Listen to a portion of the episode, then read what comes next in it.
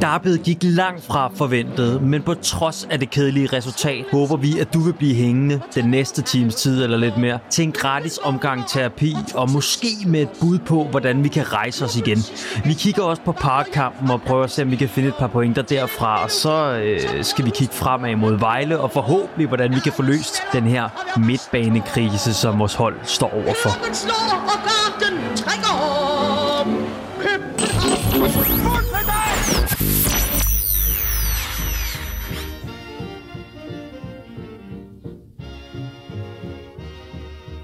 Velkommen til. Du lytter til Absalons Radio, din ugenlige podcast om FC København. I dag har vi fornøjelsen af at være i selskab med Mathias Holm Stenstrup. Velkommen til, Mathias. Tak skal du have. Hvis Mathias stemme lyder bekendt, er det formentlig, fordi du har hørt om enten her, hvor han har været med en enkelt gang, kan det passe? Eller er det to, to efterhånden? er vi oppe på. To det er hat nu. Hat i dag, fantastisk. Ellers øh, er det, fordi du har hørt om hos vores venner fra Københavns Fanradio, hvor øh, du har deltaget et utal af gange. De øvrige stemmer, du hører i dette afsnit, tilhører som altid Victor Johansen og undertegnet David Bertelsen. Endnu en gang, velkommen til. Vi har et tæt pakket program med til i dag, så der er ikke øh, meget at spille. Øh, først så tænker jeg lige, at vi kort vender på afkampen øh, fra i torsdags, ganske kort. Og så tager jeg lige en, en mere overordnet snak om vores Europakampagne med Kiwi over telefon. Øh, efter det, så går vi hen i studiet i dybden med, med Brøndby-kampen, hvor jeg tænker, det kan føre til en mere overordnet snak om, øh, skal man sige, altså en overordnet debat om rigets tilstand, øh, sådan lidt mere generelt. Og så endelig skal vi selvfølgelig også øh, se frem mod søndagens kamp mod Vejle. Men vi starter som sagt i Europa, nærmere bestemt Europa Conference League. Øh, I torsdags tabte vi som bekendt 2-1 herinde i parken til, til PAOK. En kamp, der formentlig primært vil blive husket for, for Grabaros udvisning efter 9 minutter. Og som sagt, jeg tænker bare lige ganske kort at høre sådan overordnede betragtninger på, på kampen. Vi kan starte med, med dig, Victor. Hvad, hvad, hvad, hvad vil du huske den her kamp for? Ja, jeg vil nok huske den for det røde kort, og det kommer jo til at farve store dele af kampen, øh, fordi vi skal tage en mand ud. Ikke? Vi tager, vi tager Børing ud ret, ret hurtigt øh, efterfølgende, og så erstatter ham med, med Kalle. Så vil jeg også tage med, at de formår virkelig at udnytte, at vi er en, en mand i undertal, og det gør særligt, at, at en fyr som Andri Baldursson virkelig kommer til at se, øh, se sløj ud inde på den centrale midtbane. Fælde, fælde pasninger, og hele den her usikkerhed sætter sig jo i, i resten af holdet.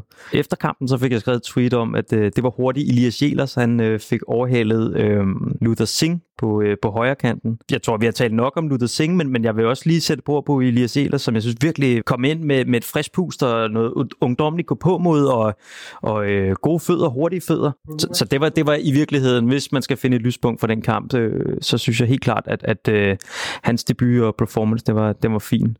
Men ellers så, så er det jo det røde kort, som kommer til at farve store dele af kampen. Lad mig bare lige øh, holde dig lidt fast på, på Elias Jelert. Hvad, hvad, hvad, hvilken type spiller er det, du ser, han er? Og hvad er det, han kan bidrage med? hans forser ligger jo særligt i det offensive. Han, han er forholdsvis hurtig, og særligt på de første meter.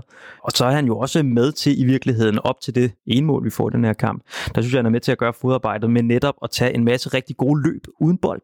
Hvad med dig, Mathias? Hvad, kan du genkende noget af det, Victor udlægger, eller hvad vil du ja, huske ja, kampen? Altså, jeg vil sige, at jeg... Øh jeg var i sommerhus på Bornholm, og det var lige spistid, så jeg kom først ind efter 35 minutter. Og det allerførste, jeg så, da jeg tændte, det var Peter Ankersen, der gav en friløber til, til deres øh, angriber, Sviderski, eller hvad han hed. Og jeg havde jo godt set på livescore, der var både rødt kort og, og bagud 1-0, mener jeg på det tidspunkt. Der, der er godt nok, puh, ja. er du sindssygt. det bliver noget juks, det her. Men, men ellers så, altså nu, hvad jeg så har genset efterfølgende, og hvad jeg ser resten af kampen, Uha, André Baldursson, det var ikke øh, det, det var ikke hvad jeg havde regnet med, må jeg sige. Altså jeg havde jeg havde troet han var et længere sted i sin øh, i sin udvikling i forhold til at man henter ham ind på det her tidspunkt med et år i leje og med en ret høj frihusklausul, som som øh, som man hører det i hvert fald. Jeg havde troet han var længere. Er det primært hans øh, hvad skal man sige, boldomgang og, og tekniske formåen, han smider simpelthen for mange bolde væk, eller hvad er det, hvor er det? Sådan? Ja, eller op i hovedet måske. Ja. Altså det er, jeg synes jo egentlig, hans, hans første kamp, de første minutter, vi ser ham i Vejle, mener det er, lige før vinduet mm. lukker, øh, der kommer han ind, og, og, og jeg, jeg synes, han så spændende ud, og så god ud i boldomgang, og vin, så hurtigt ud i boldomgang, og, og god i fødderne osv., og så synes jeg, når man har set ham sidenhen mod øh, Nykøbing, og så mod øh, Paukær, så, så er det godt nok et, et ganske andet indtryk at stå tilbage med. Så, så jeg kan ikke helt finde ud af, hvor, hvor, hvor, hvor sådan overordnet set, hvordan vil du vurdere den her kamp? Nu fik du, du har så set ja, den igen jo. Ja, jo, altså jeg vil sige, altså, som, som Victor siger, at, at det er klart, når du får et, et rødt kort efter 8 minutter, så, så, så er det svært egentlig at bedømme den kamp. Jeg synes jo stadig godt, at, at jeg synes jo godt, man kan kræve af et hold, selvom man er en mand i undertal, så kan man godt kræve af et hold, at man har en bare nogenlunde boldomgang, og man holder hovedet bare nogenlunde koldt. Jeg siger ikke, at man skal skabe en masse chancer og, øh, og have overtaget spillet og sådan noget, men jeg synes godt, man kan godt kræve et minimumsniveau, og det, jeg synes, det var under det minimumsniveau, den første halvleg. Anden halvleg synes jeg blev bedre, mm. øh, og vi kommer nogenlunde med. Ja, man kan sige, Park ligner også nogen, der med deres 2-0-føring ligesom siger, okay, nu, nu tager vi det lige stille og roligt og afventer, og så arbejder vi i de huller, der, der unægteligt vil komme.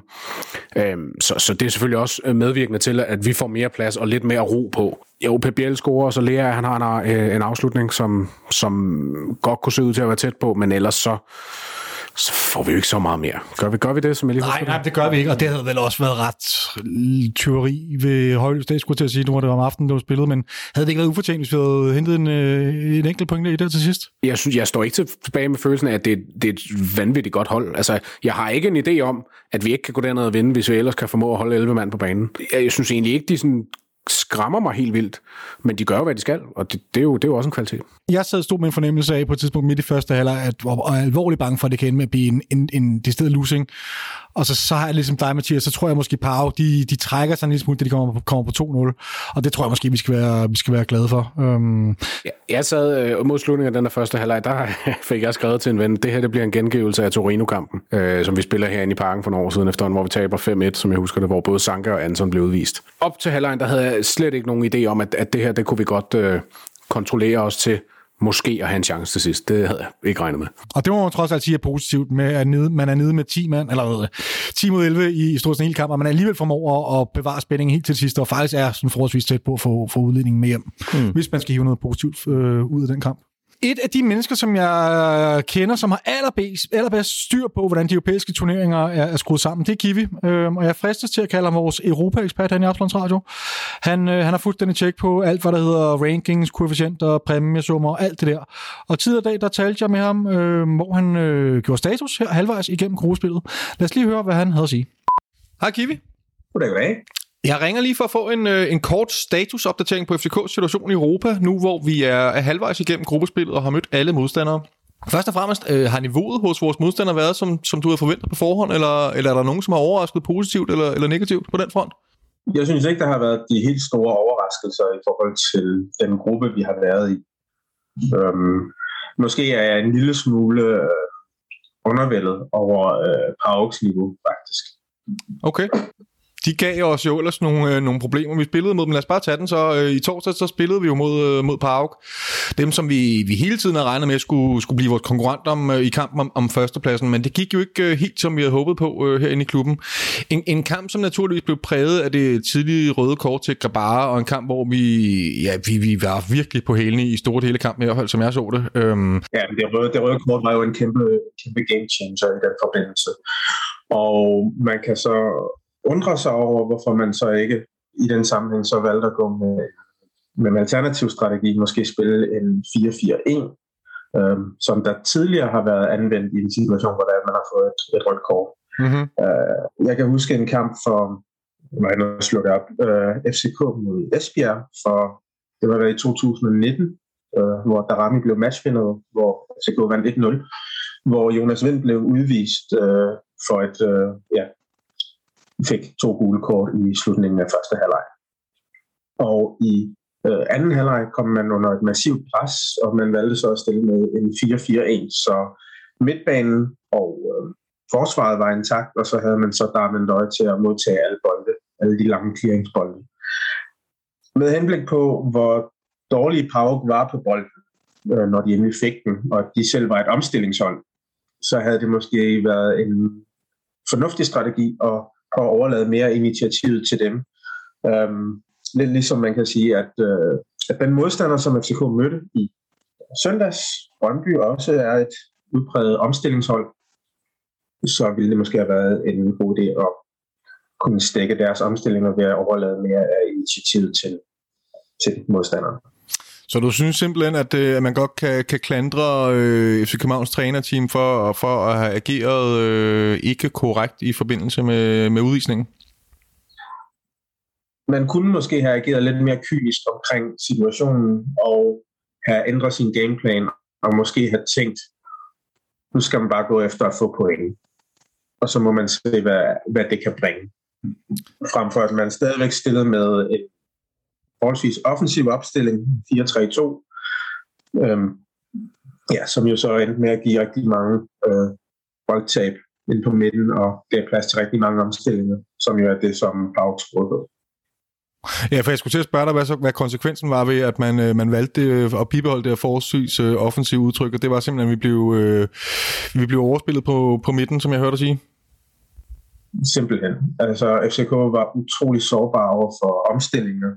Øhm, og især nu, når man, når man mangler sikker, så er det jo i endnu højere grad, at man er sårbar over for omstillinger. Så det er jo ærgerligt for, for FCK, og det er, gør det jo svært for dem at, at få point i den her kamp. Øhm, at man stillede sig offensivt op, men fastholdt det høje pres. Jamen, øh, og det ender jo så også med, med et nederlag, men altså på trods af nederlaget, så, øh, så må mulighederne for at gå videre vel, vel stadigvæk sige at være særdeles gode for, øh, for FC København. Altså det, det burde vel ikke kunne gå galt i forhold til minimum en anden plads i hvert fald. Hvordan ser du på det? Mm, jeg vil sige, uh, muligheden for at have mindre pres på til allersidst i gruppen, den er blevet forværret.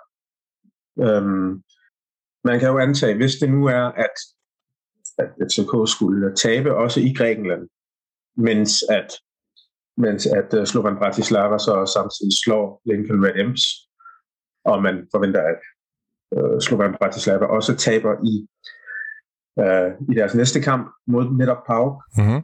og at FCK så også vinder uh, mod Lincoln Red Imps, mm-hmm. så vil man stadigvæk stå i en situation i den sidste runde, hvor Slovan Bratislava selv med en sejr vil kunne avancere på bekostning af FC så det bliver en, en, en knald eller fald kamp herinde i parken. Vi har dem jo den aller sidste kamp. Øh. Ja, men man kan fjerne noget af det pres. Øhm, FCK kan fjerne noget af det pres ved at gå ned og vinde i Grækenland.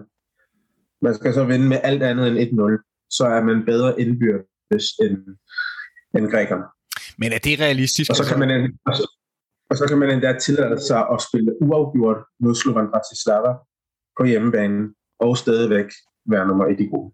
Men vil det sige, at et uafgjort resultat nede i Grækenland, det kan vi i virkeligheden ikke rigtig bruge til det store? Det er, det er alt eller intet? Jeg vil sige, at det ville være rigtig, rigtig klogt for, for FCK at gå 100% efter sejren i Grækenland. Og med det niveau, som grækerne viste, så tror jeg også på, at FCK 11 mod 11 godt vil kunne slå du var ikke så imponeret. Jeg synes, de spillede en, øh, en fornuftig omgang fodbold. Øh, jeg synes, at man godt man kunne se, at det var et hold på et niveau, som, øh, ja, som har noget kvalitet, vi ikke har mødt hidtil i den her sæson i hvert fald. Øh, hvad, hvad var det, du ikke var så imponeret af ved dem?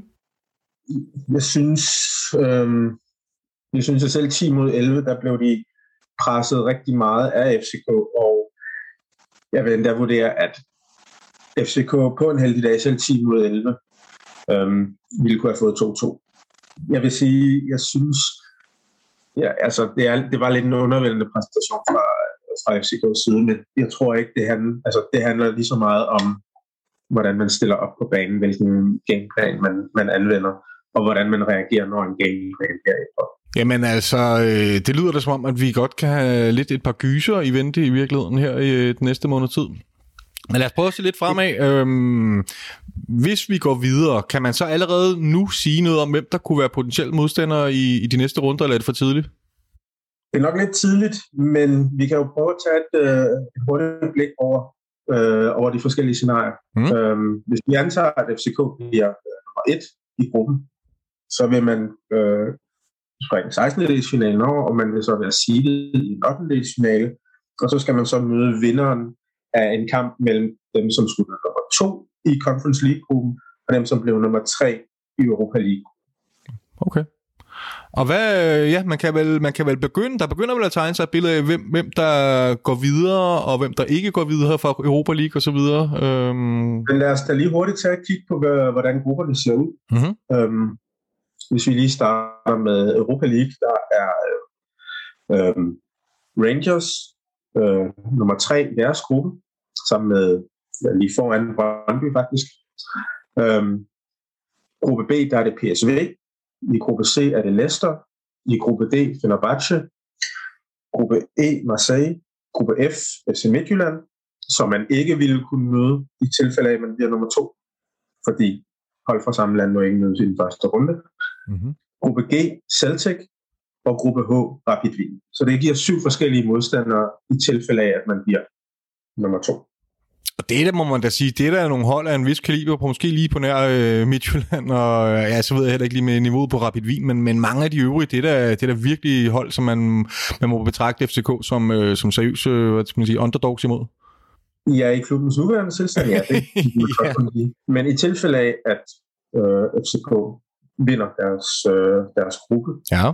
Så skal de så møde vinderen af enten et af de hold, som, som jeg lige har nævnt, mm-hmm. eller et af dem, som blev nummer to i øh, Conference League. Og lige nu, der er stillingen i de forskellige grupper, som følger, at i gruppe A er det Lask fra Østrig, øh, gruppe B er det Partizan Beograd, i gruppe C er det Roma, som jo overraskende fik en røvfuld op i Norge.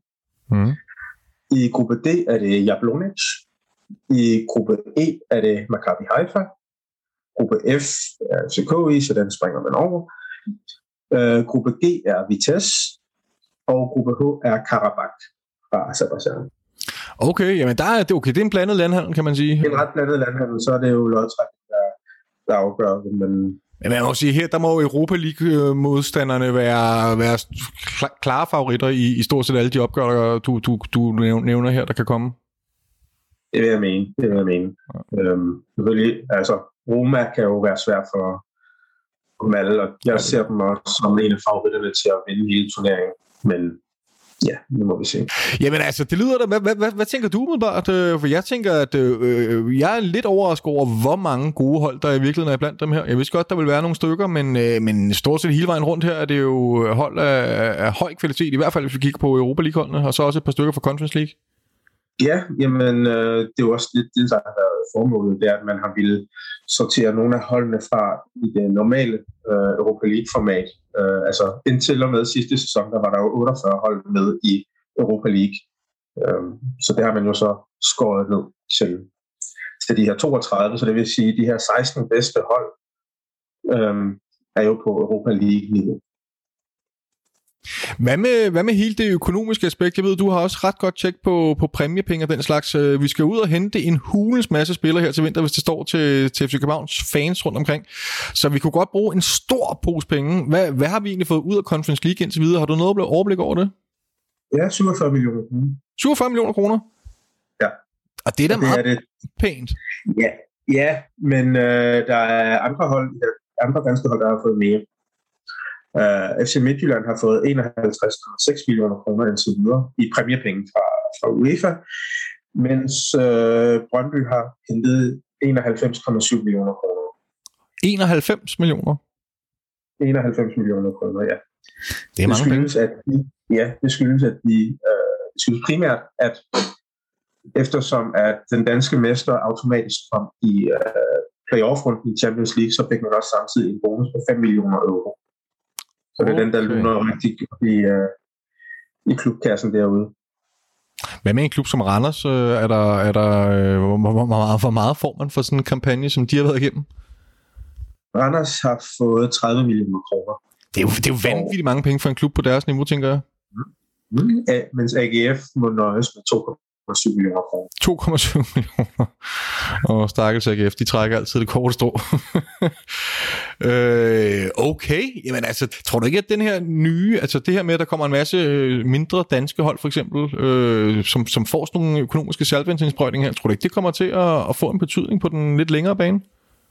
Jo, jamen altså på nuværende tidspunkt, der har UEFA jo kyldet omkring øh, 220 millioner kroner efter dansk fodbold allerede på nuværende tidspunkt udelukkende i præmiepenge. Hold da op. Kiwi, jeg går ud fra, at vi følger op på det her eventuelt, øh, jeg ved ikke, måske inden den sidste gruppespilskamp, hvis man mindre det hele er afgjort, eller i hvert fald efter gruppespillet, når det er overstået. Har du mod på det? Ja, selvfølgelig. selvfølgelig. Noget helt andet her til sidst, inden du slipper, Kiwi.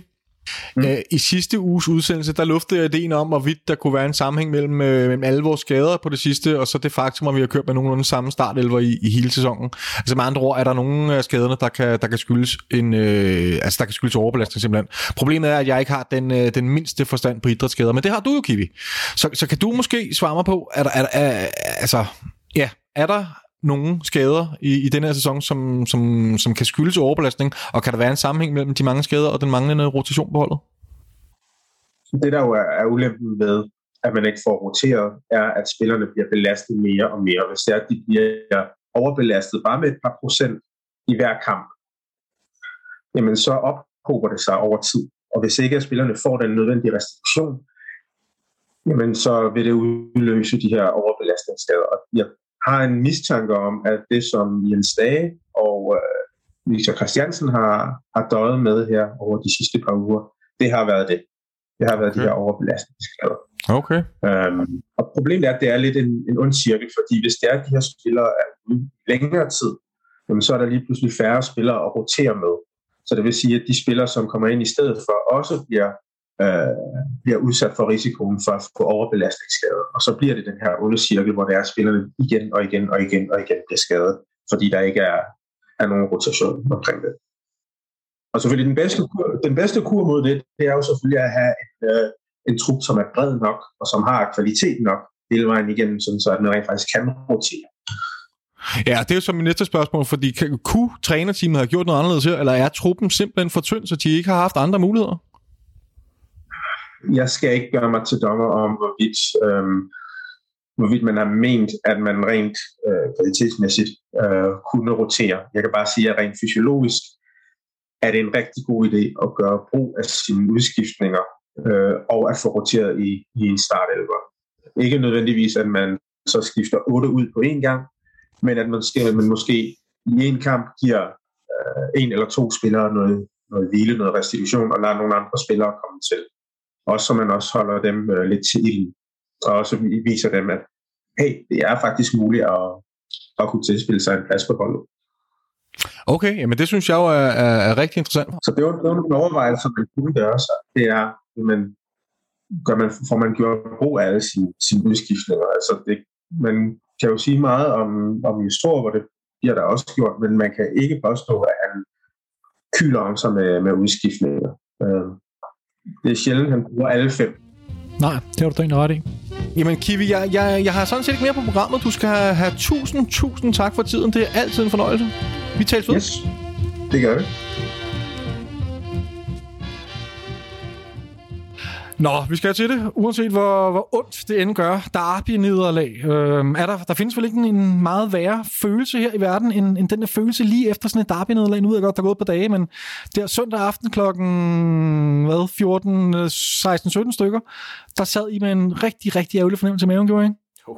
Jo, jo, og, og som du siger, altså en ting er derby-nederlag, det er slemt nok i sig selv, men sådan et derby-nederlag, hvor man altså nærmest ikke, jeg, nu kan jeg kun tale for mig selv selvfølgelig, nærmest ikke kan genkende det FCK-hold, der, der løber på banen største delen af den kamp. Det gør ondt.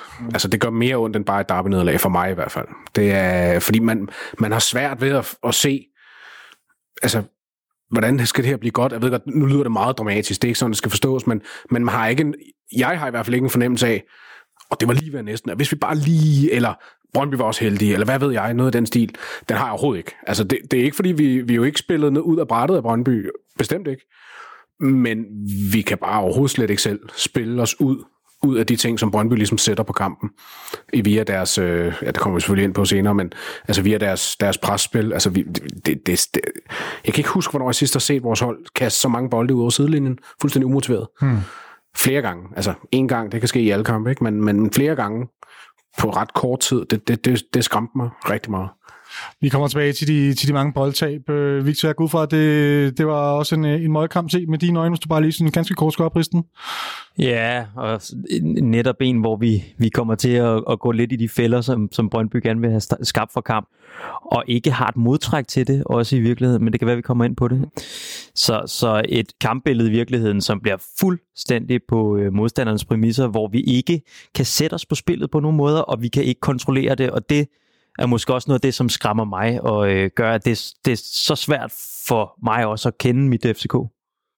Vi må se, om vi kan komme op med nogle øh, løsninger på, hvad, hvad der skal klare alle de her vanskeligheder, vi er i lige for tiden lidt senere i programmet. Det skal jo siges, at jeg synes, tit, at de her derbykampe, altså også øh, før i tiden, hvor de blev spillet meget hårdt, og der var mange interne kampe, og så til måske nogle af de seneste, der, der synes jeg altid, at de, de bølger og har deres eget liv. Jeg ved godt, det er sådan en floskel, der måske bliver i talsat, men det er bare nogle andre kampe end øh, Viborg-kampen, vi spiller, eller Sønderjyske, eller, eller hvad de nu hedder. Altså, der, der, der er bare noget andet over dem, og noget mere på spil for begge hold, og det mærker man også bare på banen, ikke? Ja, det, det er jo sjældent, altså det er helt enig, det er jo sjældent, man sådan ser en, har en derbykamp, for jeg tænker fra nogle af holdenes sider, hvor man siger, der var jo bare det bedste hold hele vejen igennem. Altså, så, så, så har det andet hold måske været latterligt ringe, men man har måske ikke selv sådan hele vejen igennem været, været super dominerende, og bare, der var slet ikke tvivl om kampens udfald eller noget som helst. Det, det har jeg, det får jeg ikke lige et derbykamp op i rendringen lige umiddelbart, så det ligger nok nogle år tilbage. Der skulle have været sådan. Op til kampen, der gik diskussionen blandt andet på, hvem der skulle have pladsen i målet. Det, det endte jo med, at Pan kan genvalg til Skarabara. Jeg tænker, vi lige skal vente den her. Øh, vil, øh, vil du have gjort det samme, Mathias? Oh, nu, nu læste jeg et eller andet sted, øh, nu må jeg undskylde til dem, der har interviewet, jeg kan simpelthen ikke huske, hvor jeg læste, men jeg læste et eller andet sted, at han, Thor skal siges, øh, udtalte, at fordi Gabara kun havde fået én spildagskarantæne i Europa, så, end, så, så, så ændrede det noget. Ja. Det kan jeg faktisk godt forstå. I, I det lys, der synes jeg også, at hvis Gabara er første målmand, så er det selvfølgelig ham, der står. Så i den forstand synes jeg, det er helt okay, og jeg havde også forventet, at Gabara ville stå den her kamp. Om, om det så ville ændre noget i mit perspektiv, at hans, om han havde fået to spildags karantæne. For mig ville det ikke. Jeg, jeg synes, man skal huske på, at den ene af de her to kampe, det er altså en udbanekamp på Gibraltar. Så det er måske en kamp, hvor man kunne overveje alligevel at stille med den, der nu engang var anden målmand på det tidspunkt. Så en kamp mod Park, hvor meget skal det egentlig gøre i forhold til, øh, nu er der blevet snakket meget om Gabara, og, og er han god nok, og, og er han overvurderet alle de her ting. Han er helt indiskutabel vores første målmand i FC København. Når man nu går med det, så synes jeg også, at det er det rigtige at fortsætte med det. Altså, jeg synes, det vil være for tidligt at begynde at slænge i valsen på det punkt. Øh, vi snakker om en målmand, der er 22 år trods alt. Vi snakker om en målmand, der er kommet ind og har været med til at stabilisere en historisk ringe FCK-defensiv. Jeg ved godt, det er bestemt ikke kun hans ansvar, men jeg synes også, det er forkert at, at øh, fraskrive ham al ære for det. Og det, det oplever jeg lidt øh, øh, når jeg hører og ser andre skrive om det. Jeg synes, jeg synes øh, man, man, frask, man, man giver ham ingen kredit for det. Men det, det, det, det, det kan jeg ikke forestille mig, en mål, man ikke skal have kredit for. Fordi der, må, der er jo noget i, der hedder øh, sikkerhed i feltet, og man ved, at den kommer målmanden ud til, og alle sådan nogle ting, som vi som fans ikke kan se. Altså man kan sige, det, det er ubarmhjertigt at være målmand nogle gange. Enten så øh, du bliver bedømt på din, på din fejl, eller på dine vanvidsredninger. Men alt derimellem er ofte bare sådan en stor grå masse. Og det, det kan være svært at, at vurdere som almindelig fan, og, mm. og, og hvor meget er det en. Du kan sige, du kan sige det, det kommer selvfølgelig tilbage til, med den her strafsparkssituation ude i Brøndby.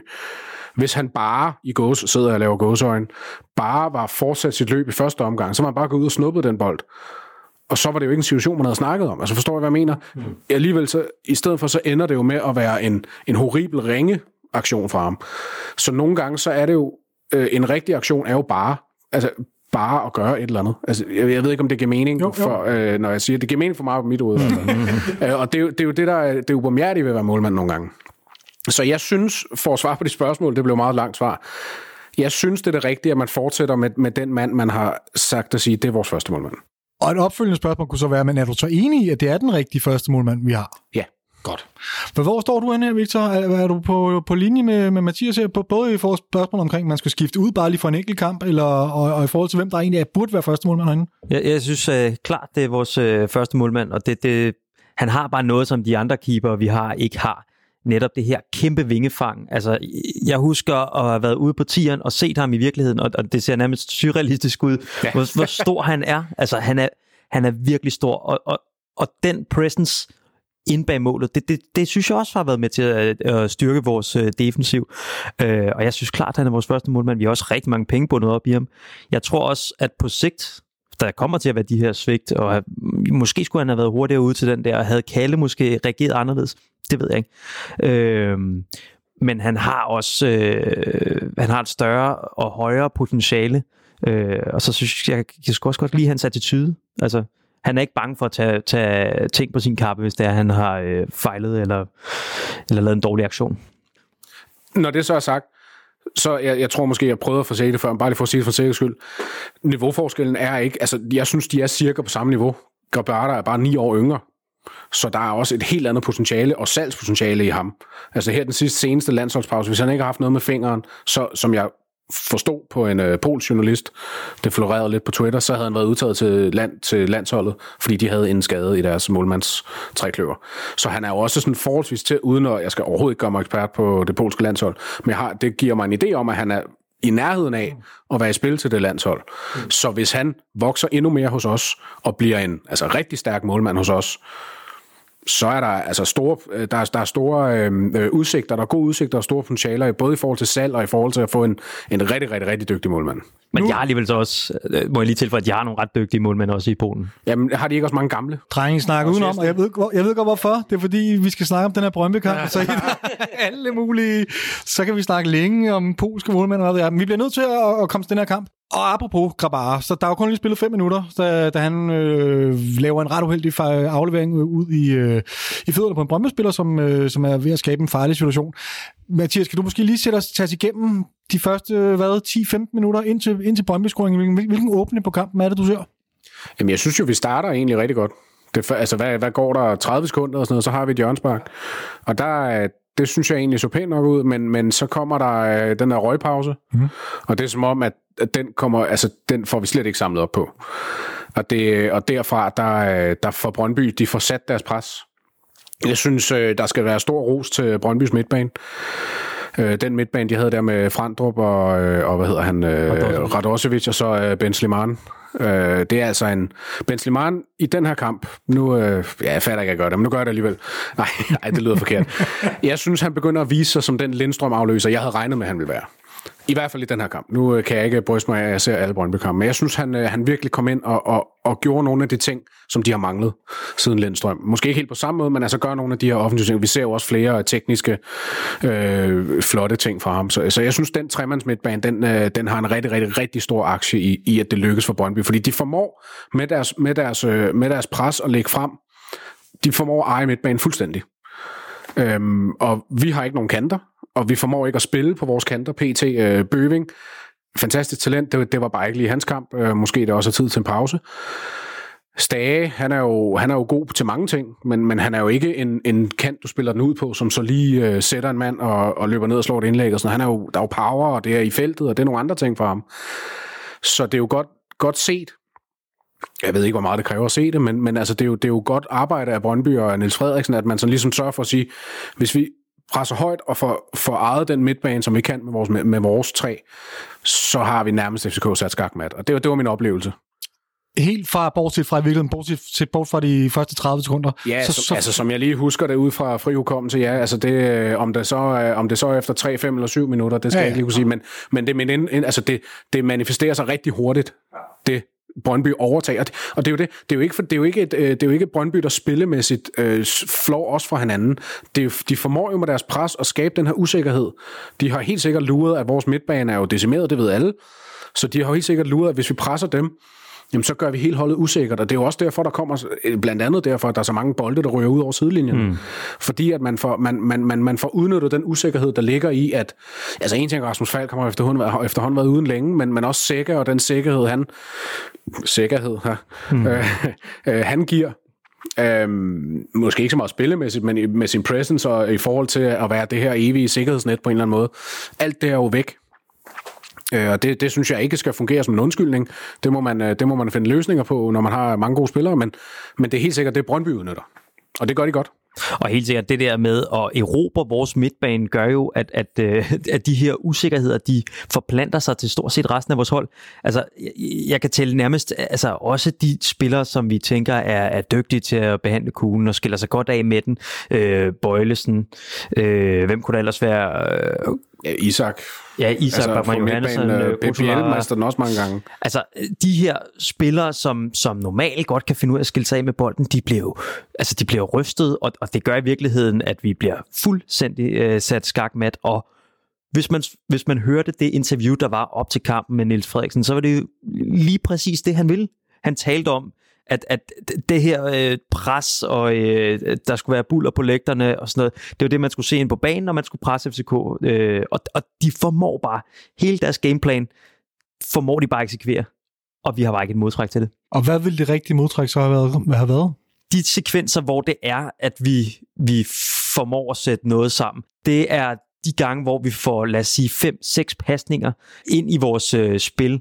Altså, hvor vi formår os at tage tempoet ud af kampen og få lov til at kontrollere kampen. Ja, der, der var bare gerne tilføje, at det, præcis det, du siger. Bøjlesen siger det også meget godt i halvlejs, eller pauseinterviewet, undskyld, hvor han, han står og beklager sig over, at de spiller hinanden i knæhøjde osv., og så siger han også, altså vi kan også se, at når vi laver bare tre, fire sammenhængende afleveringer, så spiller vi os jo ud af det, og så er der rum at spille i. Og det er der jo, det ved man jo. Det, det er jo også logisk, når du kigger på et bræt med en fodboldbane. Altså hvis et hold, hold presser højt, og du ligesom får spillet dig ud af det, så er der plads. Der er så flere problemer i det. For det første formår vi ikke at spille os ud af det. Når vi endelig gør, så har vi ikke kvaliteten nok lige pt. Øh, lige, altså i hvert fald op i hovederne, så kan man snakke om, om spillertyperne er det, men op i hovederne, der er kvaliteten der bare ikke til stede i den her kamp. Altså Bøving, Jens Dage, Pep Biel og, Jonas Vind, de, de formår ikke at udnytte de her rum, desværre. Men er man så bare sat skak mat, når man kommer op imod et hold, der kommer i sådan et kæmpe pres, og hvis, hvis boldomgangen ikke fungerer, hvis du har en dårlig dag, kollektiv off hvad ved jeg, der må vel være andre muligheder for at slå igen. Altså er det så ikke bare noget med at gå tilbage til nogle helt fuldstændig simple ting, som at, at slå nogle lange bolde op, og så jo. tage kampen derfra? Jo, jo, men der har du så Jonas Vind, der står over for Marksø og Rosted. Ikke? Dem vinder han ikke særlig mange af. Øh, så, så jo, du har ret, men, men problemet er, at, at den plan B eller C, eller hvad det må være, den har vi heller ikke spillerne til. Mm. Øh, så, kan du snakke, så kan man selvfølgelig snakke om, at så skulle man have Stage ind, og, som vel er måske er vores bedste, vores bedste hætter, i hvert fald offensivt. Mm. Øh, men, men ja, altså, der, der er jo, det er jo ikke, nu skal vi heller ikke sidde og sige, at der er ikke to afleveringer, der lykkes. Altså, der er jo selvfølgelig nogle ting, og der er der også nogle små sekvenser imod slutningen af halvlejen, hvor en bøving kommer lidt bedre med og lykkes med nogle ting, og, og der er nogle små situationer, hvor man, det er jo sådan noget, hvor man kan snakke om, hvis man bare lige, altså, hvis, hvis man bare lige har afleveret splitsekundet før, og sådan noget, så måske, og alt det der, ikke? Men, Ja, det, det, det er godt nok ikke meget, der lykkes for os. Det er det, er det virkelig ikke. Og jeg, jeg, jeg, synes, jeg har jo en eller anden idé om, at, øh, at det, det, det, altså selvtilliden bare er blevet smasket ud af det hold. Fuldstændig. Hmm. Ja, fordi det er jo så det, jeg gerne vil prøve at finde frem til. Hvad, hvad, hvad skyldes alle de her personlige fejl? Jeg ved godt, det ikke er super let at finde frem til. Men altså, er det, er det, er det noget nerver? Alle de unge spillere, der står foran et fyldt Brøndby Stadion? Er det, er det simpelthen det tekniske niveau, der ikke er godt nok? Er det en, er det en kollektiv off-dag? Altså simpelthen bare en, en dårlig dag? Altså tilfældigheder? Eller, eller hvad er det egentlig, der sker her? Altså, er der nogen, der har et bud? Det, det er vel en blanding. Altså, der, der, der, man kan jo ikke pege på, på hmm. én grund, men altså, en, en af det, noget af det, der falder i øjnene, det er jo øh, mangel på relationer internt øh, på det her hold.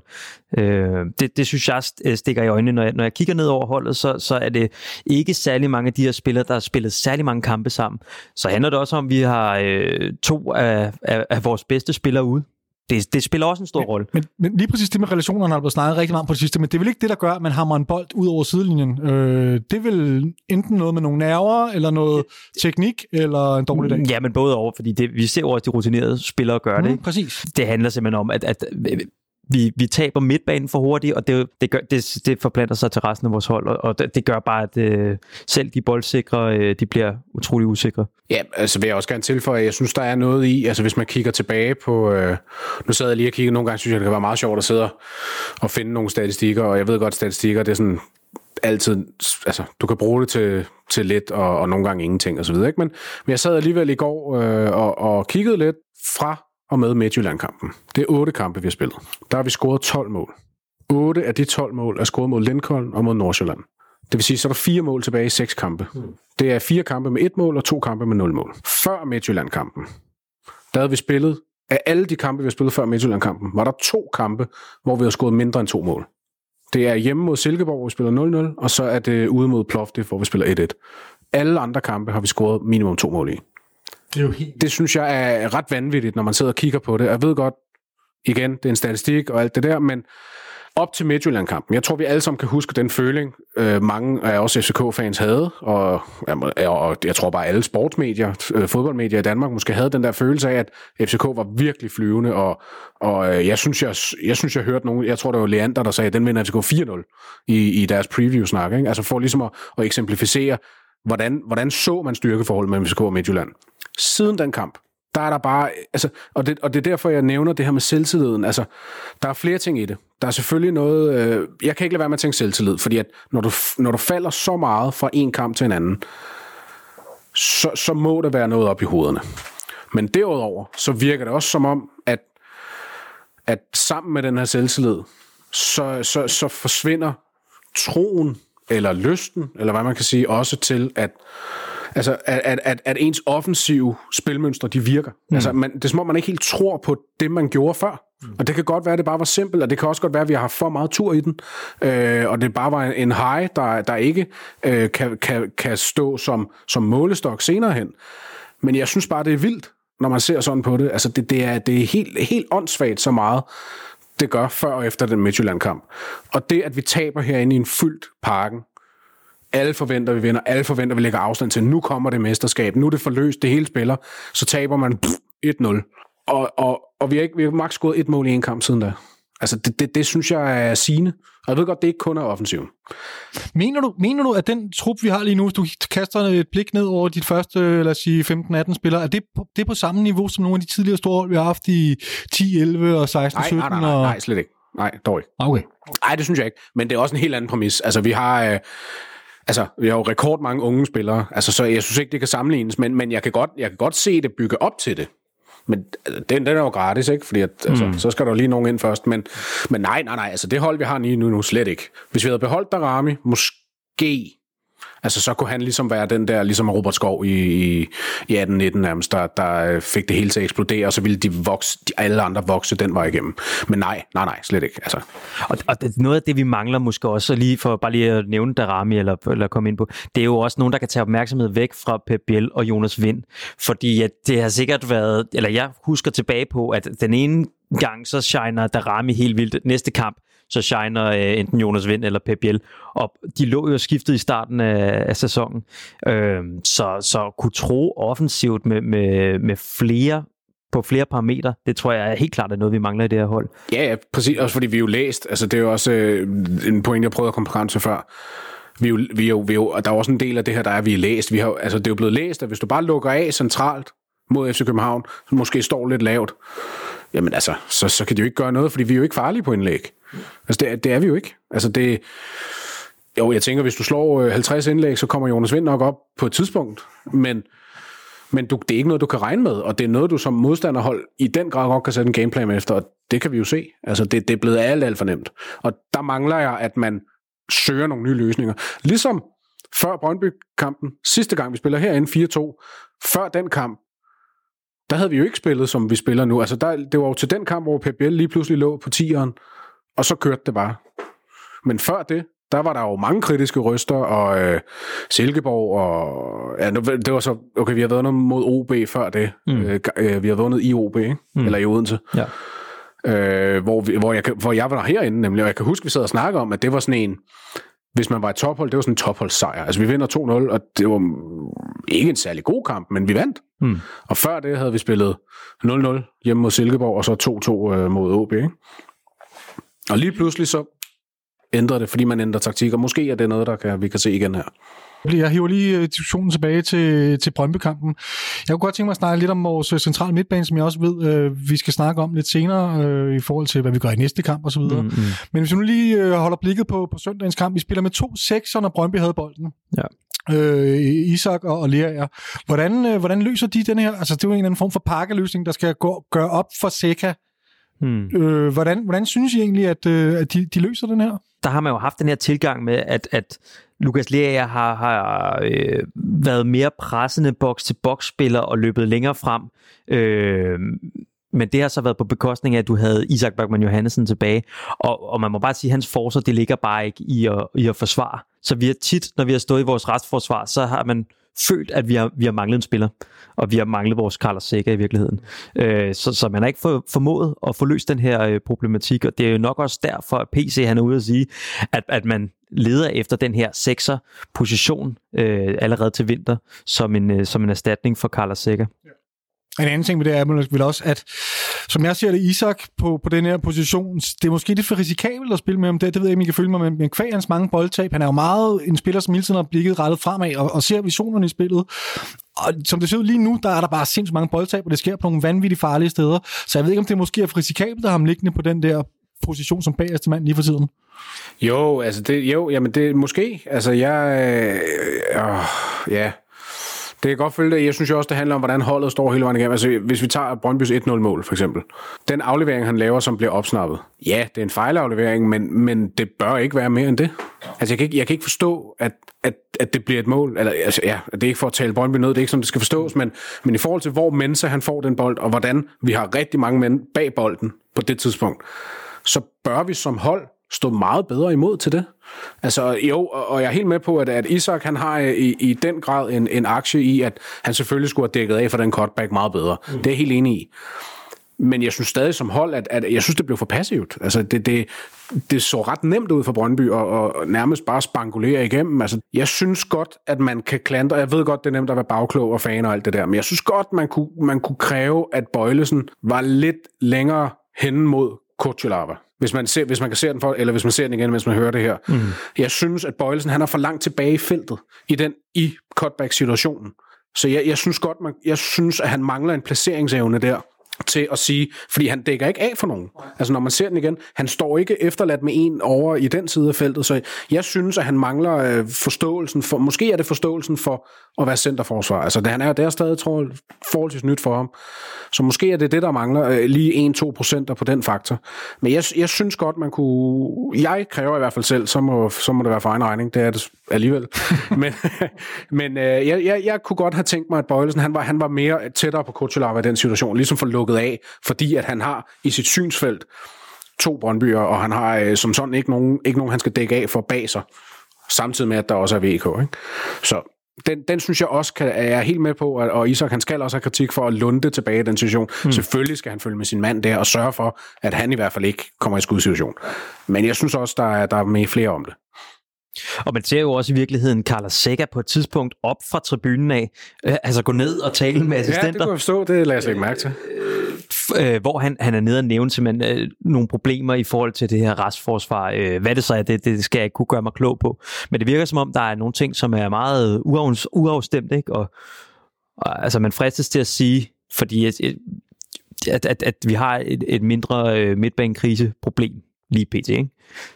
det er både i det fremadrettede spil, i det opbyggende spil, men det er også i vores restforsvar, når vi skal forsvare. Øh, og det er selvfølgelig, vi har mistet to af vores bedste spillere. Vi skal finde en løsning, og det skal gå meget stærkt. Lige tilbage til kampen. øh, nu fik vi talt lidt igennem første, første mål, og jeg tænker, Mathias, du også var inde på, at, at, at der, der sker virkelig ikke det helt store kamp billedændring i resten af første halvleg. Vi kommer lidt med bag i, i sidste del, for sidste 5-10 minutter eller noget den stil, ja, men ellers så er det Brøndby, der sidder og... Ja, det synes jeg. Jeg, jeg synes også, at Maxø hørte jeg også i halvlegs, nej, undskyld, pauseinterviewet, at, øh, at, at, hvor han bliver spurgt til, at skal I bare fortsætte eller sådan eller så får han sagt, at han synes, at øh, vi skal lige være vågne, fordi her til sidst, der kom FCK lige lidt bedre med.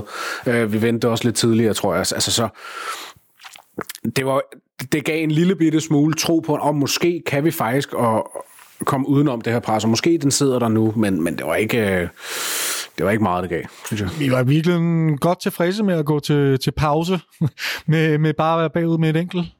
Ja, så at sige. Ikke, ikke tilfredse, men... men ja, ja, nej, jeg forstår, hvad Ja, det var bare... Det er bare mig, der sidder herovre. Du sidder og driller. Jamen, så lad os hoppe til anden halvleg. Øh, fra anden halvleg start, der afløser Højlund jo Bøving, og vi går over i noget, der minder om en, øh, en 4-4-2, hvis det ikke er en decideret 4-4-2, det er sådan, mm. jeg ser det. Med, med Stage og Isak på, på kanterne, og Lea og, og Pep Biel øh, centralt bag Højlund og Vind op foran. Hvad, hvad, hvad tror I tankerne var bag, øh, bag det, og hvilken indvirkning fik det på vores spil? Jeg tror, det handlede om, øh, meget som vi har snakket om, det her presspil, som vi ikke kunne komme ud af. Så jeg tror, det handlede om at få Pep Biel længere ned i banen, for at, at gøre det, som Rasmus Falk har gjort for os tidligere, netop at være det her vendbare spilpunkt, som kunne få os ud af det her pres, og få ham længere ned, ned fra, i, fa, fra, i fase 1-2 stykker, mm. i stedet for at være, være længere fremme. Og så kan man sige, så mister man selvfølgelig noget i den anden ende, men, men med tanke på, hvor, hvor store problemer vi havde der, så synes jeg, det gav god mening. Øh, det, det, ja, Jamen det, det tror jeg, du har ret i. I virkeligheden, jamen, øh, både for at få vores, øh, vores øh, spil i fase 1 til du, men også fra 2 til 3, øh, simpelthen få arbejdet bolden op til nogle angriber, der kunne sætte noget slutprodukt på, fordi det er godt nok ikke meget, vi får i løbet af, af første halvleg af slutprodukt. Har det så den ønskede effekt, den her formationsændring? Nej, altså, altså jeg synes jo ikke... Øh, jo, altså det er klart, at øh, nu, der bliver selvfølgelig annulleret det her mål rimelig hurtigt. Øh, hvilket selvfølgelig er ærgerligt. Det havde virkelig været et booster for scoret sådan efter, hvad var det, var kun to Ja, minutter eller tre minutter. minutter, og og så får jeg jo Stagen den her. Ja, det havde virkelig været et boost, ikke? Og så, ja, så er det jo en floskel af, af, af dimensioner, men så havde det været en anden kamp, og la, la, la, alt det der, ikke? Men ja, altså jeg tror også, at en ting er, at det var, har nok været en idé at få Biel længere ned. Det har helt sikkert også været en idé med at få Højlund op og tro lidt i dybden, fordi det, det, er jo, det gør Jonas Vind ikke så meget. Så der har nok været, været flere idéer, men, men jeg synes ikke, det rigtig lykkes. Altså det, det er meget få perioder, vi har, hvor jeg i hvert fald sidder derhjemme og tænker, der er et mål på vej. Til os i hvert fald. Og det er vel også det, der gør det så frustrerende at sidde og se. Ja, præcis. Og, og tilbage til, da du startede med at spørge helt fra start. Det er nemlig det, der er så frustrerende, at, at jeg synes virkelig, det var altså, det gennemført ringe. Fuldstændig. Ringe. Altså, mm. ja. Kæft, det er ringe. Og det, og det, det, forstærker, det forstærkede sig selv. Og jeg tror, set i bagklodskabens lys, så savner, så savner man jo i virkeligheden, som, som du også sagde tidligere, Mathias, ikke? noget mere primitivt fodbold. Altså nogle, nogle bolde op på nogle angriber, og så få vundet nogle anden bolde, og se, hvad man kan skabe der mm. i virkeligheden. Fordi at, at vores gameplan, den lykkes vi på ingen måde med, og det bliver kun forstærkende. Altså, og der, der, skulle ske, der skulle være sket noget allerede tidligere i virkeligheden i den her kamp. Det, det er fuldstændig rigtigt. Vi er rigtig tæt på at komme på i lidt med, med Jens Dage efter tre minutter. Øhm, og så går der, ja, der tror jeg, der går mere end fem minutter, så ligger bolden så nede i den anden ende, eller der bliver dømt for straffe, fløjtet for straffespark. Mathias, øh, kan du, kan du lige tale os igennem den her situation? Hvad er det egentlig, der foregår op til målet og det straffespark her?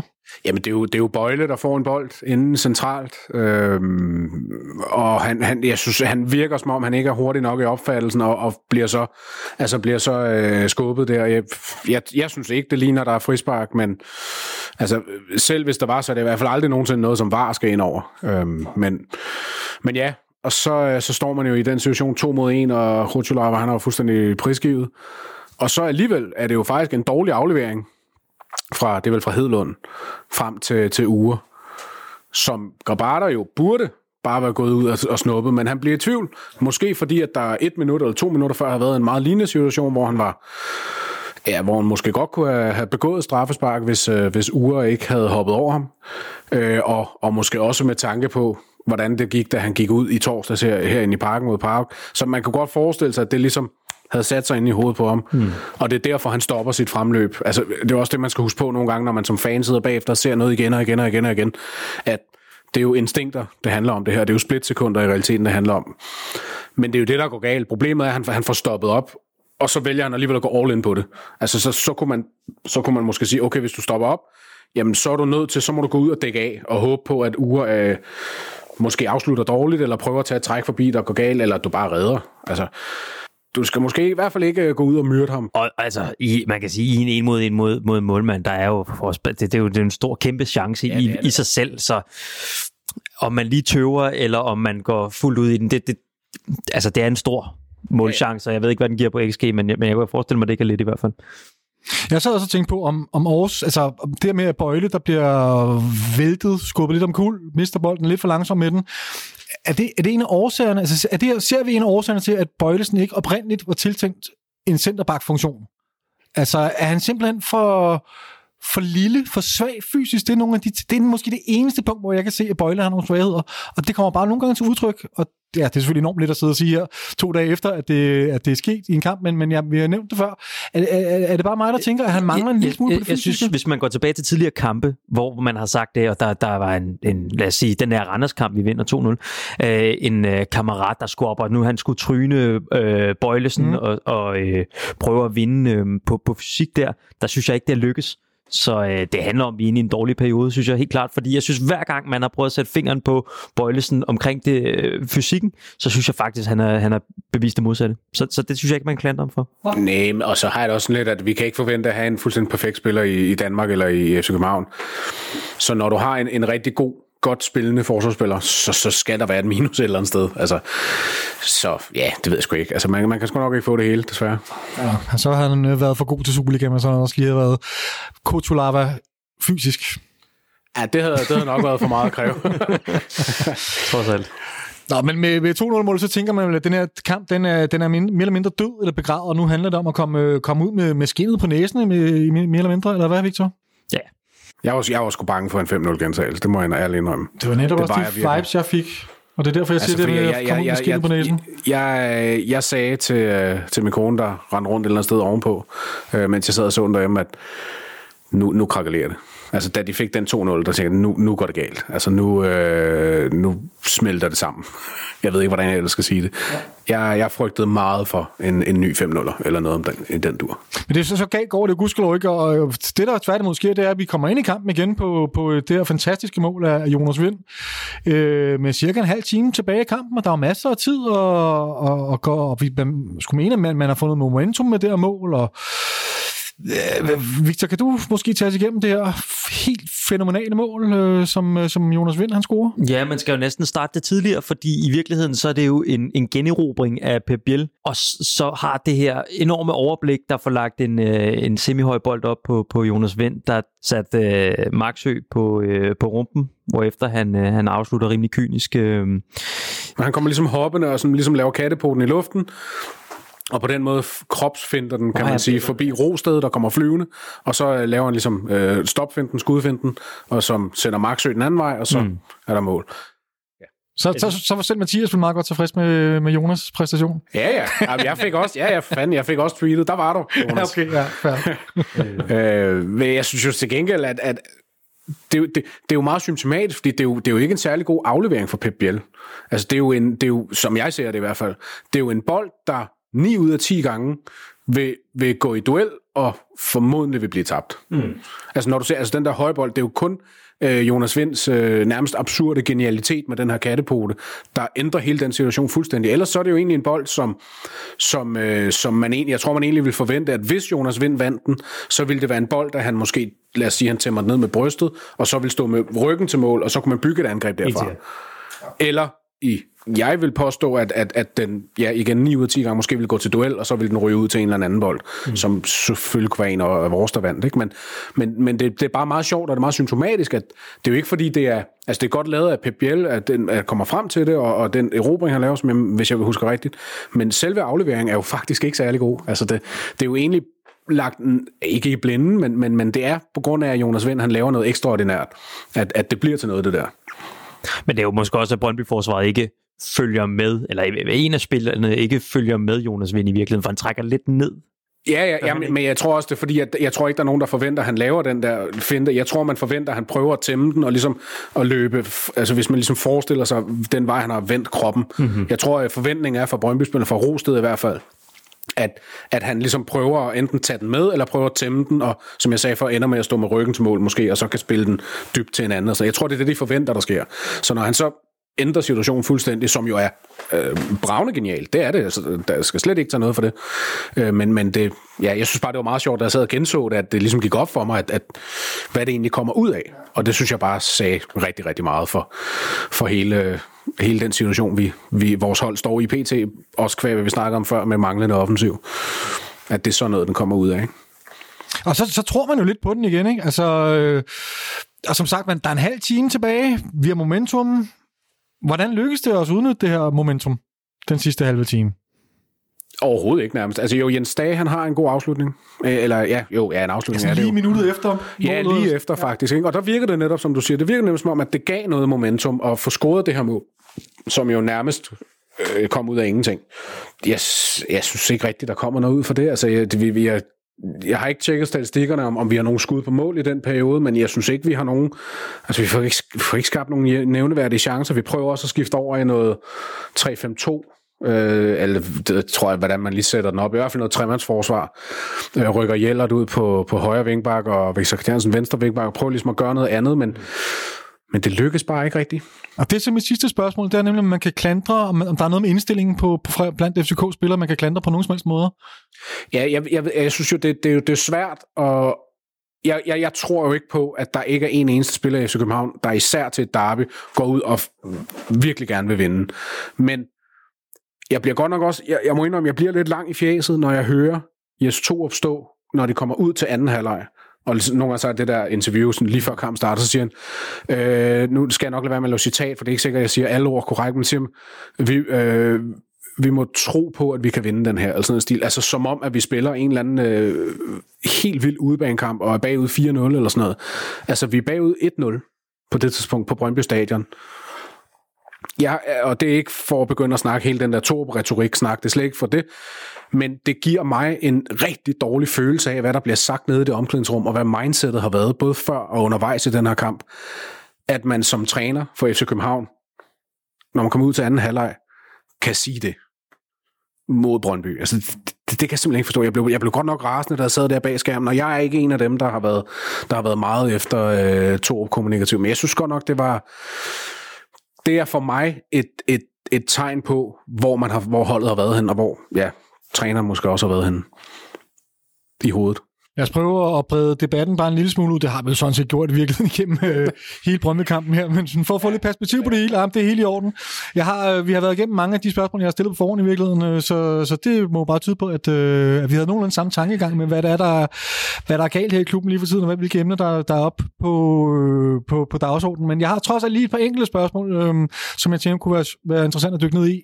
Blandt andet det her med, du var inde på det faktisk, Mathias, men det, man vi er gået fra at være et hold, der, der scorer mål på samlebånd, til at have enorme problemer med at, at, at skabe chancer i virkeligheden. Og det er vel ikke bare Altså, det er jo ikke bare Darami, det er jo ikke bare nogle enkelte ting her, der, der er på spil. Hvad, hvad, hvad i verden? Altså, du var inde på noget, noget med noget selvtillid, simpelthen. Er det, er det noget mentalt? Ja, det... jeg, jeg synes, eller jeg kan ikke forestille mig andet, end at der også er noget omkring selvtilliden. Altså, det må der simpelthen være. Øhm, ellers så kan jeg ikke forstå, hvordan det fra den ene kamp til den anden kan ændre sig så drastisk. Det er også modstanderne, der har læst os, der har forstået, okay, hvis vi bare lukker af her, så har vi næsten amputeret FC København. Men jeg tror ikke på, at de, hvis du kigger på de modstandere, vi har haft de sidste otte kampe, jeg tror ikke på, at de hver især alle sammen har kvalitet nok til at holde det nede 90 minutter hver kamp. Så der er mere end det. Det er også en faktor, men, jeg, men det er også derfor, at, at for mig kommer det meget tilbage. Jeg tror, at den her kamp mod Midtjylland, igen, vi nævnte det før, fyldt stadion, alle havde en forventning om, at vi var et helt andet sted, og så bliver det sådan en øh, altså, slappølse, skulle jeg til at sige, ikke? Og, mm. og taber 1-0 på hjemmebane på den måde. Det virker som om, at det var et slag. Så går der på dage, så kommer Nykøbing-kampen. Taber 3-0 dernede. Det, altså, jeg, kan ikke, jeg har svært ved at forestille mig andet, end at, at det virkelig har bragt holdet ned. Så kommer der så Nordsjælland-kamp, hvor vi vinder 5-1. Men set i bagklodskabens lys, så er det altså også det første halvleg, vi går til halvleg 1-0, hvis jeg husker rigtigt. Men det er ikke en særlig god første halvleg, vi spiller. Anden halvleg, der kollapser Nordsjælland fuldstændig. Altså, og de er mm. i forvejen øh, deres første målmand, som godt nok ikke er verdens bedste, men trods alt deres første målmand, var blevet skiftet ud lige før kampstart. Mm. Kian Hansen, som er deres suveræne forsvarskrumtap, bliver også skiftet ud øh, i allerede første halvleg. Så der krakelerer det for dem. Og ellers så, så Ja. Og man kan også sige, at vi spiller også en kamp mod Lincoln, hvor det, det kan godt være, at vi vinder 3-1, men det er jo ikke, det, det er jo ikke sådan, at man sidder med begge hænder over hovedet efterfølgende. Nej, det er straffespark, og så er det Jens Dage, der presser en målmand, der glider, ikke? Ja, præcis. Ikke? Øh, så, så i virkeligheden, så kan jeg godt følge lidt din, din tankegang øh, om, om den her, jeg, jeg har nærmest lyst til at kalde det for en snibbold, ikke? Mm. fordi det er jo som om, den forstærker sig selv. Ikke? Altså man kan sige, den der Nykøbing-kamp, jeg tror jeg virkelig også fylder noget. Øh, øh. Især på bagkant af sådan en Midtjylland-kamp, ikke? hvor det, altså, det bare var bagt op og bare... Præcis. Kunne, altså, ballonen blev sprængt. Der gik suset ikke engang ud, den sprængte nærmest. Smider point i aller sidste minut mod Viborg. Øh, ja, og, og vi kan blive ved, ikke? Øh, Altså, det, virker, det virker som om, at altså, jeg synes, det virker som et hold, der, der, der er ramt på selvtilliden, og som mangler. Og der kan du, der, altså, det er jo ikke, fordi man, ikke, man skal ikke fornægte, at Sega og Falk og så videre er ude, men, men der kan man måske godt se, at vi mangler lige nu nogle af de her ledertyper til at samle holdet op. Øhm, det tror jeg også spiller ind. Men, men ja, oh, jeg synes, øh, det, øh, det er ikke kun én ting. Det er mange ting, men, men nu er jeg spændt på, nu, når vi kommer hen til at skulle snakke Vejle, om, om vi nu ser en kamp, ligesom øh, det før omtalte derby herinde, vi vinder 4-2, hvor vi, hvor vi jo gik ind, og lige pludselig fra den kamp, så var vi et, et nyt FCK-hold, og lige pludselig så øh, fra, fra en uge før at have sunget på Ståle Solbakken, eller nogen gjorde i hvert fald. Øh, og lige pludselig så kørte det bare, og det her hold vinder der mesterskabet, og vi er meget bedre end Midtjylland, og nu står vi her igen. Spørgsmålet er, om vi nu endnu en gang ser, jeg ved også, vi har talt om det før, når jeg har været herinde, endnu en gang ser et af de her taktiske skift, for ligesom at give truppen et eller andet skub. Mm. Om det er det, der er løsningen. Ja, okay, men, men så det, det, det er jo en, en, en fuldstændig vanvittig situation, vi har. Altså, du siger blandt andet, at der er noget med selvtillid, der er noget med, med at, øh, at vi er blevet læst. Det her med selvtilliden, mm. Der er jo bare en, en kur mod det. Det er at få nogle sejre på kontoen, og det er derfor, du er inde på snibboldseffekten, Victor, at vi ligesom er kommet ind på en eller anden form for nedadgående kurve, hvor det hele bliver selvforstærkende. Ja. Og det kan være hammerende svært at komme ud af. Jamen, sikkert. øhm, og det, det skal selvfølgelig komme mod Vejle, inden vi går til Vejle-kampen, fordi det kan godt være, der lige pludselig skal rystes fuldstændig i posen igen, eller hvad ved jeg. Men et, et, et sidste spørgsmål, inden vi går, vi går til Vejle-kampen. Altså, du er også inde på det, Victor. Vi har ikke sådan helt haft marginalerne på vores side. Torup snakker også om det, uden at han brugte det som en undskyldning, men, men, men helt validt. Øh, har vi jo været lidt uheldige på det sidste. Jonas Winter brænder et strafspark i Sønderjyske. Viborg, der udligner til sidst. Øh, med lidt, lidt held havde vi haft fire point mere. Mm. Er det en overreaktion, når medier og fans på nuværende tidspunkt begynder at snakke om krise? Eller er vi ude i en decideret krise? For tre dage siden synes jeg, det var en overreaktion. Efter den kamp i Brøndby, så øh, synes jeg godt, man kan snakke om det.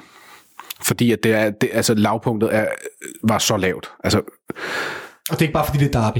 Nej, nej, nej, nej, ikke kun. Altså, det er klart, det gør det selvfølgelig det hele værre, det, ved, det tror jeg, vi alle sammen kender, men, men jeg synes, at det var virkelig, virkelig et lavt niveau. Og øh, skal vi lige huske på, mod et Brøndby-hold, der jo ikke har set fantastisk farligt ud. Altså, det, det er jo ikke mange kampe, de har vundet, og, og kommer også lige fra en, fra en kamp i Skotland, og, og alle de her ting, ikke? Mm. Altså, så, så øh, jeg synes, jeg, jeg, jeg er generelt ikke så glad for ordet krise. Jeg synes godt, det kan blive lidt sort-hvidt, men igen, vi har også lige, jeg har jo lige siddet og snakket om de her sidste otte kampe, hvordan vi har vundet to ud af otte. Det er jo, altså, det er jo ikke godt overhovedet. Så, så det er jo mere end bare de to kampe, men, men igen, som du selv nævner, scorer Jonas Vind i, nord, i, øh, i Sønderjyske, scorer øh, Viborg ikke her, selvom vi jo giver dem en milliard hjørnespark og får muligheden for det, ikke? men Ja, yeah, altså så har jeg det også lidt, så kan man også den anden vej snakke om, jamen altså så har vi måske også haft lidt marginalerne på vores side, da det så gik godt. Altså så det, jeg, jeg har det generelt sådan, det udligner måske hinanden meget godt sådan over en sæson, og heldet følger den, der opsøger det. Jeg må sige, men det havde stillet os anderledes. Hvis det var, at vi havde fået de fire point nu her, så, som det, du, du taler om, David, ikke? Så, så havde vi, så tror jeg ikke, at på samme måde, at man havde altså været så så sortseende, så, som det er, man også er nu, ikke? Øh, og, og nærmest øh, bedst forenet med, jeg fandt et, et citat fra Benjamin Land, og det synes jeg indkapsler i virkeligheden meget godt, den her øh, derbykamp. Altså, øh, fem gange de sidste seks år har FCK haft en lavere pasningsprocent, end de havde på Brøndby Stadion i en Superliga-kamp. Øh, og det, det synes jeg i virkeligheden kapsler meget godt ind, hvad det er for et billede, man, man så i den her Brøndby-kamp. Det er, det er en meget overfaldende statistik. Det, det synes jeg også, øh, det er vildt. Det, det, det, det var godt nok Ja, hvad sagde du også. for seks år? Ja, det er ret Superligaen. Det synes jeg også lyder helt, det er helt vildt. Nå, men skal vi... Øh... Nej, men der en, et sidste lille pop, sådan pop-spørgsmål omkring øh, guldsituationen. Hvor mange... Altså, hvad, hvad er maksafstanden op til, til FC Midtjylland ved vinterpausen, hvis vi stadigvæk skal være med i, i kampen om guldet? Åh, oh, øh, Der er 6 point lige nu. Det skal ikke blive meget større, eller hvad? hvad Nej, det skal ikke blive meget større, men, men jeg, må, jeg er også nødt til at sige, at øh, lige så dårligt det hurtigt blev, lige så godt blev det også hurtigt. Og jeg synes jo ikke, altså, Midtjylland, alt kredit til, de gør det godt, og øh, altså, de, de samler sgu mange point sammen, så alt kredit til det. Men jeg, jeg må indrømme, jeg har også en teori om, at det skal slet ikke forstås, når jeg taler dem ned. Men jeg tror ikke, de føler sig presset af FCK. Altså her på det, på det seneste. Så for eksempel her i Sønderjyske, hvor de f- øh, f- kommer på 2-2 i overtiden, og så alligevel vinder 3-2. Nu har jeg set målet. Det er fandme også dårligt forsvarsspiller Sønderjyske. Det er så, hvad det er. Men jeg, jeg tror bare, at, at, at de føler en, en ro. Altså, jeg tror, de føler en ro, som, som, som vi i FC København i, i mange år har følt herinde med, at jamen, det skal sgu nok gå, og vi, vi har styr på det, og vi føler os ikke presset på samme måde. Jeg tror, altså hvis du står i, hvis, hvis du er i en situation, hvor du føler dig presset, og du så bliver udlignet, så tror jeg hurtigt, du ender, så, så tror jeg i dit mindset, hvis du føler dig presset, bliver sådan, åh oh, nej, nu mister vi point, hvad så? Hvor, hvor hvis du ikke føler dig presset, så har du overskud til bare med det samme at gå op og jagte på igen. Ja, altså jeg, jeg føler mig ikke, jeg føler mig ikke tryg, hvis vi går ind til en vinterpause med 9 eller 10 point. Uh, jeg tror nok heller ikke på det, men ikke så meget på det, jeg tror altid på det, men ja, det ved jeg, sgu- jeg ved sgu ikke, jeg kan ikke lige sætte det. Nej, nej. Jeg må også bare sige, at, at, at herop til vinterpausen, der handler det simpelthen bare om at holde ud. Og ja, jeg har det på samme måde som Mathias. Altså, øh, lad os få nogle kantspillere ind på det hold, så tror jeg, at det, det og, og lad os få løst øh, den, den midtbanekrise, som jeg synes, vi har. Altså, jeg synes, vi har en decideret midtbanekrise. Men, men når det så er sagt, så, øh, så, så tror jeg også, altså, øh, at, at der skal heller ikke meget til, at, at det lige pludselig kan vinde. Øh, og, og vi ser, at nogle af de spillere, vi har nu på holdet, også kunne tage sig altså flere step, men, men vi har bare brug for nogle flere øh, facetter øh, at spille på, som vi ikke har lige nu. Og, og jeg synes særligt, det, det er meget kritisk øh, med de kantspillere, uden at jeg vil gå ind i en stor debat omkring det. Ikke? Så, så vi savner virkelig øh, i hvert fald en, helst gerne to, og øh, hvis det er flere, så, så brokker jeg mig heller ikke. Øh, men, men kantspillere med, med Superliga-kvalitet, øh, som kan være med til at tro, score et mål, lad os sige, hver tredje, fjerde kamp eller sådan noget, øhm, som, som kan være med til også at tage noget opmærksomhed fra, fra vores, altså de, de målscore, vi ellers har lige pt. Øh, og så, så ved jeg ikke, om det handler om, at måske indtil at man kan få de spillere, så skal man måske ud i et uh, stilskifte, formationsskifte eller noget. Men, uh, men nu tror jeg også, vi har teaset rigtig meget for det, så det kan være, at vi skal hoppe videre til, uh, til Vejle. Lad os hoppe videre til Vejle. På søndag skal vi så forsøge at rejse os mod Superligans absolute bundprop fra Vejle. Vejle formåede dog i fredags at få sæsonens første sejr, øhm, så det er formentlig Vejlehold med, med tro på egne evner, vi kommer op imod.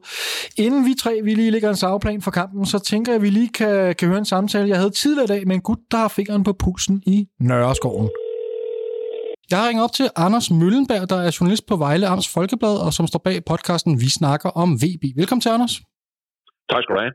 Jeg har været så heldig at få lov at stjæle lidt af din tid med en forhåbning om, at du gør mig og vores lytter lidt klogere på, hvad vi kan forvente os af vores kommende modstandere herinde i parken på søndag. 13 kampe skulle der gå, før Vejle sidste runde med en 2-0 sejr over FC Nordsjælland fik sæsonens første sejr i hus. Var det en velfortjent sejr hjemme i Nørreskoven? Det var det. Der, der, der er ikke noget... Øh, det kan man overhovedet ikke pille ved. Vejle synes jeg var meget bedre, meget bedre end Nordsjælland. De var en lille smule heldige øh, på målene, men, øh, men altså, det, der, er ikke, der kan ikke pilles ved, det var fortjent, de vandt overhovedet. Peter Sørensen var før kampen øh, ude at sige, at han synes, at Vejle spil på det seneste øh, har berettet til flere point, end, øh, end de har fået. Er du enig i, at det faktisk har set fornuftigt ud på banen i de seneste ja, det ved, en 3-4 kampe, og Nordstjylland-kampen så i virkeligheden bare var kulminationen på længere tids fremgang i spillet? Nej, øh, og jeg tror, jeg, jeg tror heller ikke helt, det var det Peter han mente. Okay. Altså jeg vil sige, øh, når, han, når han talte om, om fremgang, så tror jeg, han kiggede en uge tilbage, da de mødte Brøndby, og taber øh, 3-2 ude på Brøndby Stadion. Og der kan man sige, der, der, der, den kunne Vejle lige så godt have vundet. Mm. Øh, man kan sige, så kampen inden, der bliver de så barberet øh, 0-6 nede, nede i Odense, øh, som jo er noget af det ringste, jeg nogensinde har set et Vejlehold spille. Så man kan sige, altså, jeg er fremgang, men det er de, det, det er de seneste to kampe. Okay. Øh, og, det, og det synes jeg, de har. Og jeg synes også, altså ja, jeg synes, de spillede til mere end 0 point mod Brøndby. Så... Øhm, og, og der har også tidligere på sæsonen været okay kampe, synes jeg, hvor Vejle også skulle have haft mere, end de fik. Altså spillet har været til mere overall. Okay. Men, at, øh, men altså, de seneste to kampe, synes jeg, der har de, spillet, der har de lignet Superligaen. Og der er nok mange, som, øh, som jeg allerede har dømt Vejle nede på forhånd, eller har gjort det længe i virkeligheden. Hvordan er, har du nogen fornemmelse af, hvordan stemningen er i klubben og blandt deres fans? Altså tror man på overlevelse nu efter de seneste to kampe, så fine øh, spil og resultater? Ja, det, det, det, det ser jo utrolig svært ud øh, lige nu, og hvad skal man sige, man kan jo selvfølgelig godt stille nogle regnestykker op, og øh, som gør, at, at, at, at, at, at Vejle har en chance, men lige nu, lige nu ser det jo næsten umuligt ud. Men altså, man skal selvfølgelig spille efter det. Og det, det tror jeg da også, altså, det, folk håber jo. Fans håber jo selvfølgelig, og selvfølgelig også, øh, at, at, at, at, at det på en eller anden måde skal lykkes. Øh, men de har jo da gravet sig ned i et, i et pænt dybt hul, synes jeg. Ja, det må man sige. Det, det ser svært ud. Øh, fem point i, i 13 kampe er det blevet til. Lad os, lad os zoome lidt ind på, på kampen på søndag. Øhm, tror, du, tror du, får man et Vejle-mandskab at se, der kommer med, med selvtiden og troen på, på, at de kan tage point i parken oven på fredagens øh, flotte sejr, eller, eller, eller hvad forventer ja, det, Vejles tilgang til kampen? Ja, det tror jeg, det tror jeg, de gør. Altså, jeg tror, de kan, altså, det, det, er selvfølgelig, det, parken er jo, er, jo, er jo normalt et svært sted at spille, øh, og det har det også været for Vejle. Øh, jeg, jeg tror, man skal i hvert fald nok 20 år tilbage for at finde en vejlesejr i parken. Men altså, jeg, jeg tænker, de, de, jeg synes, de spiller en god kamp, og, og kan de ramme noget af det samme øhm, på søndag, som de gjorde, har de gjort i de seneste to kampe, altså, så, så kan man jo ikke udelukke, at de tager point. Og det, jeg, jeg er også sikker på, at det er den, øh, den indstilling, de kommer med. Altså ikke, at de kommer blæsende med 110 og tænker, hold da op, nu skal vi ud og, og hvad skal man sige, vinde den her ved at, ved at, ved at spille med 110 timer. Overhovedet ikke, men, men altså, FCK har jo ikke været fantastiske på det seneste. Nej, det må jeg jo desværre, det må jeg jo desværre give dig ret i. Øhm, sidst vi stod for, for Vejle, det er knap to måneder siden, der, der kørte alting faktisk på skinner herinde. Øh, og vi vandt også en overbevisende sejr på, på 4-0. En kamp, der også var, var Peter, Peter Sørensens første træner, som, øh, eller første kamp som cheftræner i Vejle. Hvor I ligger forskellen på det Vejle-hold, vi mødte tilbage der i slutningen af august, og så det hold, vi skal op imod på søndag? Jamen, altså, man kan jo sige, øh, jeg, jeg synes, at Peter har fået, fået det stillet, stillet ordentligt op nu. Altså, de, de, de øh, har det set, set ud til de seneste par kampe. Altså, de, de, de, de ligner mere et, et, et rigtigt fodboldhold. Det gjorde de jo ikke dengang. Altså, der, der var det jo stadigvæk totalt uger, virkede sådan mere eller mindre uorganiseret, når de spillede, og, øh, og det har de også gjort i flere af de andre kampe. Altså, det er simpelthen ikke lige en Superliga-hold. Det synes jeg, de gør nu. Altså, de, øh, de, altså mod FC Nordsjælland, synes jeg, der, der står de også godt i kæderne, Vejle. Øh, Nordsjælland vil jo gerne prøve at spille op. Altså, hvad skal man sige, spille op igennem midten, og det synes jeg, det, det synes jeg Vejle fik lukket godt ned for. Nu er jeg godt, så det det lidt noget andet, når de skal møde FCK. Fordi øh, der, der, skal de altså også få lukket af ude i siden. Men altså, på den måde, der, der synes jeg, der, der ligner de. Der ligner de i Superligaen. Det gjorde de ikke, da de mødte dem, øh, da de spillede første gang i Vejle. Altså, og der synes jeg så også, øh, at FCK de så bedre ud. Altså, det er ikke, da jeg gik hjem og for Vejle Stadion, den der, der jeg sikker på, at FCK bliver dansk, de bliver dansk mester. Mm. Det er jeg ikke helt sikker på i dag. Der er sket meget siden. I begge klubber lyder det lidt til, så, så Peter Sørensen er ved at få, få skik på, på sine tropper. Er det hans aftryk, man kan se efterhånden? Ja, det synes jeg. Ja. Det synes jeg. Altså, det er, det, det, det er organiseret nu. Det var det ikke før. Og det, og det har taget tid at, at få det stillet rigtig an med der. Men det, det, det synes jeg er løs for ham nu. Øhm, altså, det, det, altså, ja, som, for at gentage mig selv, de lignede ikke fodboldhold tid. Altså, i mange af kampene tidligere på sæsonen. Hvad med sådan en spiller som, øh, altså jeg tænker, en der får en ret speciel kamp på, på søndag, det er Sten Grydebust, som, øh, som Vejle jo har lejet i FC København. Hvordan har han gjort det for Vejle? Jeg synes, han har gjort det fint.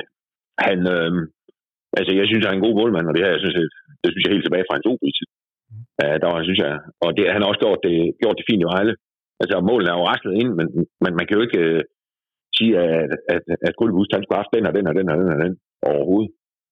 Altså, jeg tror selv, hvis han sidder og kigger på dem, så tror jeg nok, han vil sidde og tænke, at ah, den der skulle jeg sgu nok, han kunne nok godt finde selv, i hvert fald tre stykker, han synes, han skulle have haft. Ja. Men altså, hvad hedder det?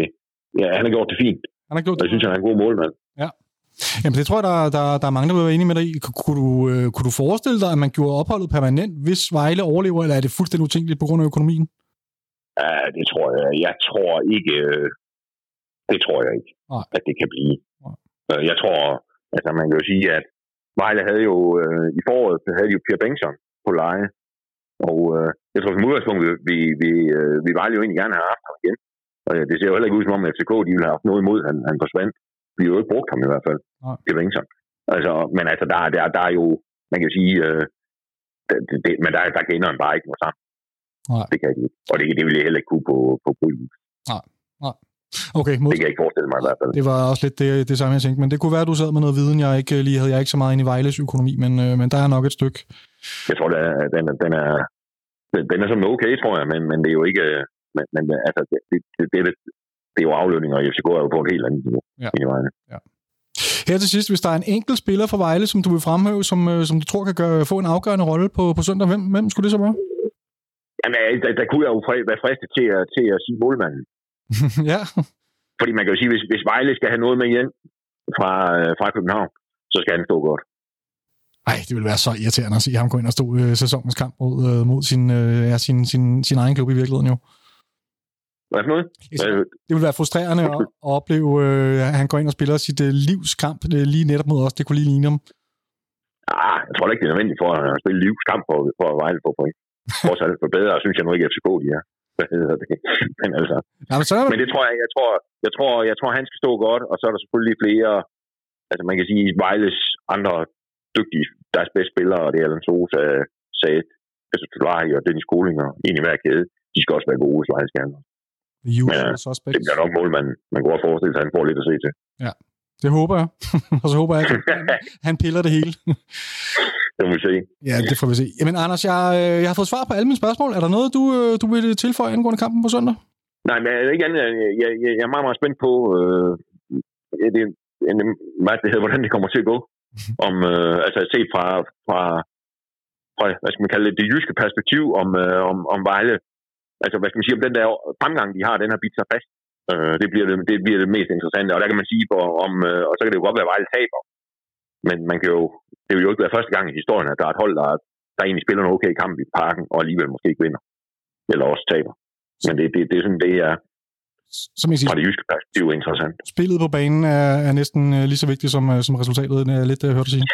Ah, måske ikke helt, men, men, men man kan jo sige, hvis, hvis, hvis Vejle yder en god præstation, så man, hvad skal man sige, selvom man så vil sige, de måske taber 2-1 og spiller en okay kamp, altså, så, så, så, fordi så, så, kan man sige, så for Vejles jamen så, kan det jo, så, kan, så, kan, så er der jo god chance for, undskyld, at de måske vinder den næste. Det lyder måske lidt kedeligt, men sådan er det jo.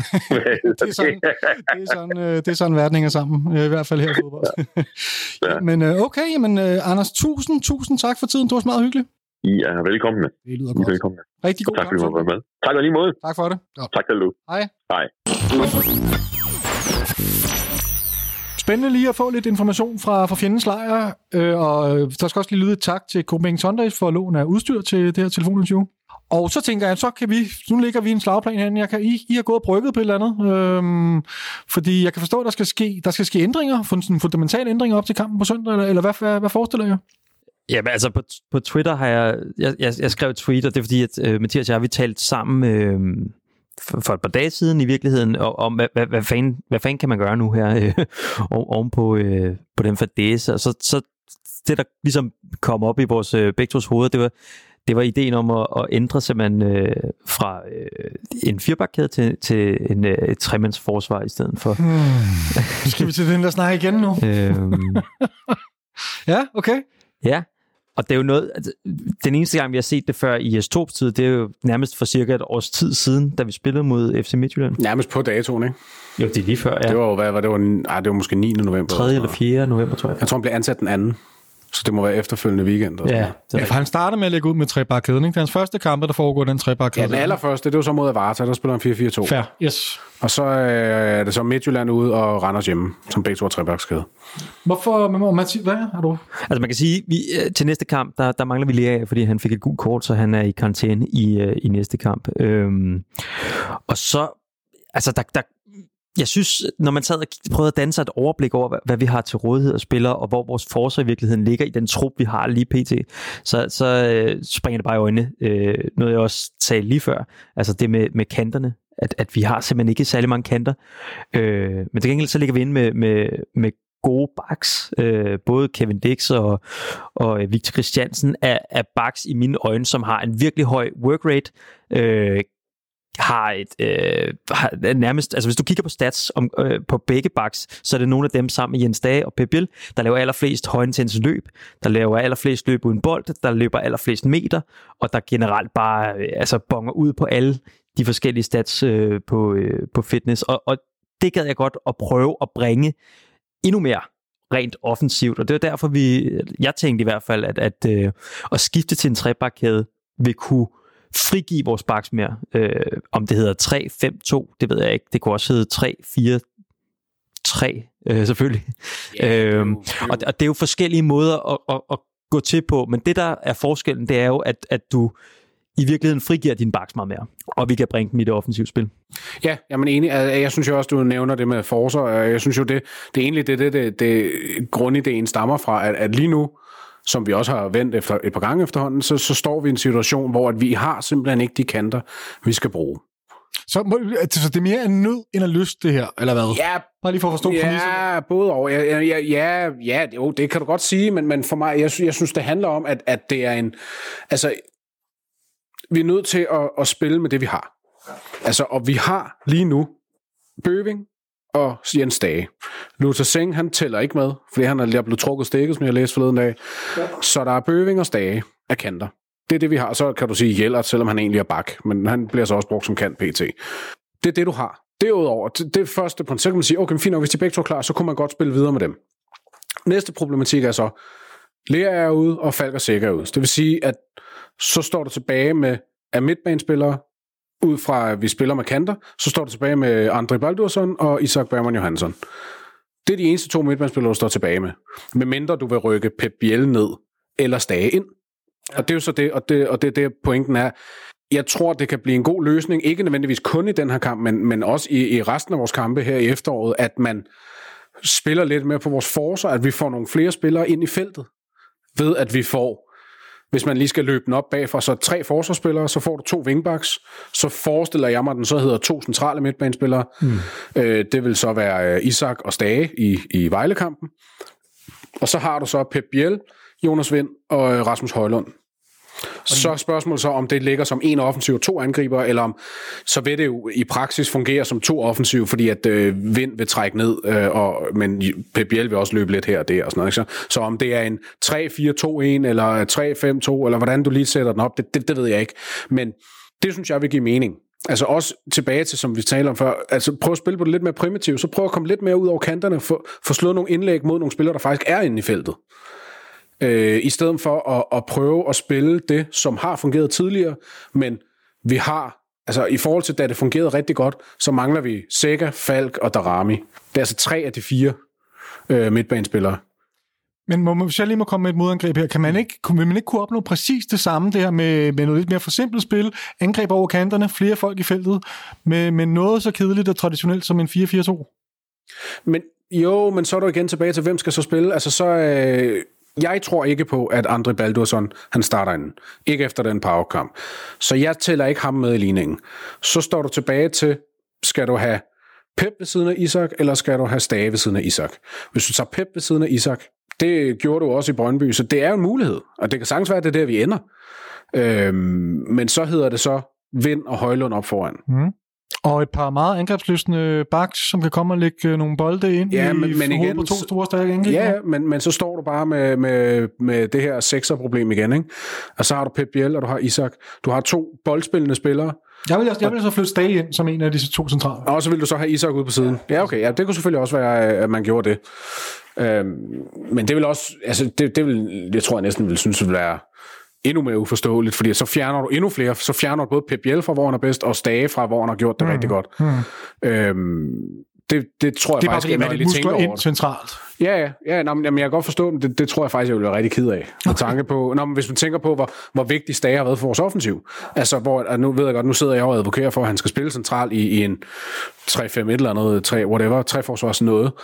Øhm, men, det er jo så, men der har du så også et tremandsforsvar, som ligesom agerer det her restforsvar som selvfølgelig skal midtbanen stadig have noget, en eller anden afholdenhed osv., men, men jeg tænker stadig, at der vil være plads til, at Stage han kan komme i feltet fra sådan en midtbaneplads, hvor at, at det vil der nok være meget mindre plads til i en 4-4-2 midtbane. 100 Og, og noget, jeg også gerne vil allokere for, det var, øh, nu, nu ved jeg godt, hvis man har Brøndby-kampen i mente, det, det, jeg tænker ikke, at det er, er retvisende for, for Bøjlesens niveau på bolden, men hvis du kan få en, en uh, Nikolaj Bøjlesen med i den her uh, libero-rolle, altså den centrale uh, Bonucci-rollen i Juventus, hvis man går til uh, Allegri-tiderne der, uh, som en, der kan være med også i vores opspil. Nu mere, du kan også løsrive ham fra, fra uh, måske det, han ikke er så god til. Altså, hans forser ligger jo på bolden, og hvis han kan være med til at drive den frem, det, det, det ser jeg også kun som en force for vores spil. Den, den her formation, den, den handler også om, at, at man virkelig har nogle wingbacks, der kan arbejde.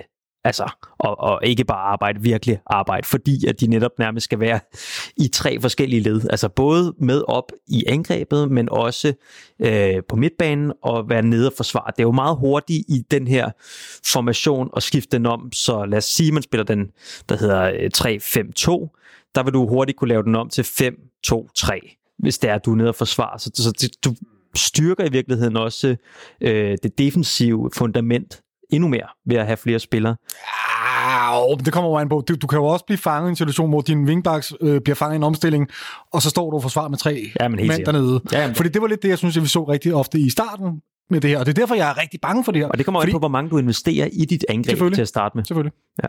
Men jeg kan godt, I snakker meget om det offensive, de offensive aspekter i det mm. her. Dem kan jeg simpelthen godt gå med på langt hen ad vejen. Men jeg er primært bekymret for det defensive. Mm. I, I, kan ikke, I kan ikke uh, være bekymret for, at vi, vi kan komme i undertal i nogle situationer og blive, blive spillet tynde simpelthen. Altså, især ude på kanterne, det, det kræver sindssygt meget af de her wingbacks, hvis de skal være med, eller øh, alternativt, eller også af midtbanen, for at skulle lukke nogle huller af, ikke? Jo, jeg kan godt blive nervøs for det, men jeg er også rigtig nervøs for, hvordan det vil gå med, øh, med en, altså hvis vi spiller en 4-4-2 eller 4-4-1-1, eller hvad det nu må være, med den midtbane. Så, så, så, så det, det, det gør mig mindre nervøs, men, mm. altså, det, hvis det giver mening. Altså, mm. For jo, jeg, jeg vil være også især fordi det vil være noget nyt og noget ikke så trænet. Heldigvis har vi så en uge her uden en midt, midtugekamp, som man faktisk har en hel uge til at træne det. Det kunne også være noget, der taler for. Øh, en, en, jeg glemte at nævne før i forhold til midtbanesnakken. Hvis man, snakker, hvis man holder fast i nuværende taktik, der er jo også den mulighed at rykke Kevin Dix op mm. på midtbanen. Ja. Øh, og det har han gjort før AGF, og, øh, og det var også, da han blev hentet, blev han også omtalt som, øh, som en spiller, der kunne dække lidt over det hele, også på midtbanen. Så det er jo også en mulighed. Men så betyder det jo så, at så skal vi have Ankersen ind på højre bak, eller Jellert. Ja. Jeg, jeg, kunne, jeg kunne sådan helt oprigtigt, jeg kunne godt være i tvivl om Jellert, han var foran Ankersen. Fordi det, det, jeg synes, den der powerkamp, det var godt nok ikke kønt, hvad Ankersen han, øh, han præsterede der. Ja, men det kunne jeg også godt øh, tænke. Jeg kunne også godt forestille mig tanker om det som centralt, sådan set faktisk. Øh, på så det er jo også en mulighed. Ja, ja så simpelthen bibeholde vores 4-2-3-1, 4-4, 1-1, eller hvad vi nu kalder den, ikke? Øhm. Så jeg tror ikke, altså, jeg, jeg, jeg tror ikke, det, altså, vi gætter jo bare, ja. skal, skal ja, det lige ja, ja, ja, ja. også til dem derude. Det er jo ikke, vi, vi, vi, har, vi har ikke set noget, eller vi ved ikke noget. Mm. Vi gætter bare, det, det, der, det er vi jo flere, der gør. Jeg ved, de gjorde det også i fanradioen i går. Jeg kunne forestille mig, at de også gjorde det i nogle af de andre FCK-medier. Men, men jeg, tror, jeg tror også, det er vigtigt at sige, altså de her to kampe, som det bliver holdt op mod, altså mod Midtjylland og mod Randers. Jeg tror også, det er vigtigt at huske på, hvad det var for en situation. Ja, ja, helt altså, jeg, tror, jeg har ikke en tro på, at det var blevet mærkbart bedre af at spille 4-4-2 i lige de kampe. Øhm, og, og jeg synes jo også, der er en, en pointe, som jeg stadig holdt fast i dengang, og som jeg stadig gør. Jeg tror, han overtager et hold, hvor han mangler Sækker, fordi Sækker havde karantæne. Han havde fået rødt kort i, i den forrige kamp. Jeg husker, hvem det var imod. Så han var ude i de her to kampe. Så det var jo også hans måde hvor, og, hvor han overtager en trup, der er nærmest er i, jeg ved ikke i ruiner, det var vel kommet lidt op under Hjalte, men, men ikke en, en super god trup. Overtager han, og så skal han finde ud af, okay, hvordan løser jeg at spille på udbanen mod Midtjylland, hvor vi er blevet slagtet gang på gang på gang. Så jeg kan godt forstå tankegang, og jeg, jeg havde, altså, øh, nu taler Ananas, eller hvad det hedder, jeg havde også gættet på, at han ville spille tremandsforsvar op til den kamp, fordi at det gav mening. Og på det tidspunkt, det var jo gamle dage, skulle jeg til at sige. Det var før dage, han var blevet forløst som den her øh, fremadstormende spiller. Så der var han jo det her forsøg på at lave en, en blanding af Delaney, Seca, sådan lidt defensiv, lidt fremad, lidt, lidt det hele, lidt hvad lærer jeg måske er nu. Altså det var, sådan, det var den stage, vi så på det tidspunkt, mm. indtil han kom ind i den her fremadbrusende otterrolle, som jo så vokset helt vildt fra, og så har taget den videre til den her Thomas Müller kantrolle. Øhm, så, så jeg, synes jo, jeg synes også, det hører med i snakken. Altså, når man, jeg kan godt forstå, øh, at du er bange for den der øh, tremandsforsvar. Det kan godt forstå, at mange er, fordi det er det, vi har sammenlignet det med. Og det fungerede heller ikke skide godt de gange Ståle prøvede det af i sin tid. Så det er sådan en, vi sådan er bange for generelt her i FCK. Men lige for at tage den der kamp, øh, så, så altså, nu sagde jeg også tidligere, at, at øh, det, den her formation også øh, opfordrer også, at du har nogle virkelig, virkelig dygtige wingbacks med stor work rate. Og, og, og i de kampe, der, der spillede vi med Pierre Benson og, og Carlo Bartolets, og al ære og respekt til dem, så, så ser jeg bare de backs, vi har nu, eller hvis de skulle så blive wingbacks i løbet af den her kamp, altså som, som nogen, der både rent offensivt, men også defensivt har, har mere at byde på.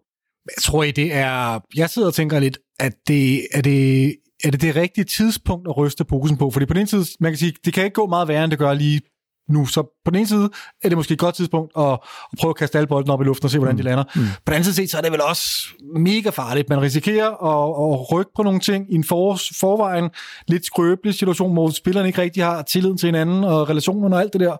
Det, det er, tror jeg, han tør, altså. Ja, men det, altså ja, og det tror jeg virkelig er en, en pointe, hvis jeg lige må, må tage ordet. øh, nu var jeg ude på tieren i dag, og der var, der var jo ikke nogen, altså andet end Rasmus Falk, der løb meget trist frem og tilbage, og øh, så, så hilste jeg kort på Jens Dage. Øh, så det er jo også virkelig få dage, han har til at øh, implementere det her, og der, derfor har jeg den her mærkelige lille tro om, at, at, at det ikke rigtig kommer til at ske. Øh, når det så er sagt, så synes jeg, det kunne være spændende, og det, der kunne være den store øh, hage i den her formation, det er jo netop det her med, synes jeg personligt i hvert fald, at man går fra i forsvaret, fra at have et makkerpar til at have en trio. Øh, sagt med andre ord, hvem støtter op, når den ene støder op på en modstander. Øh, det bliver lige pludselig helt anderledes, end, end hvad, hvad hvad man har været vant til. Men jeg tænker bare, altså når jeg kigger på vores øh, forsvarsspillere, ikke? det er Ruben Gabrielsen, som har også spillet i tremandsforsvar før, Nikolaj Bøjlesen, og så Kutulava. Det er nogle af de mest rutinerede lige pt. på vores hold og de skal simpelthen kunne, kunne på relativt kort tid finde ud af øh, en rollefordeling øh, i, i det her. Altså, så, så det, det frygter jeg ikke så meget.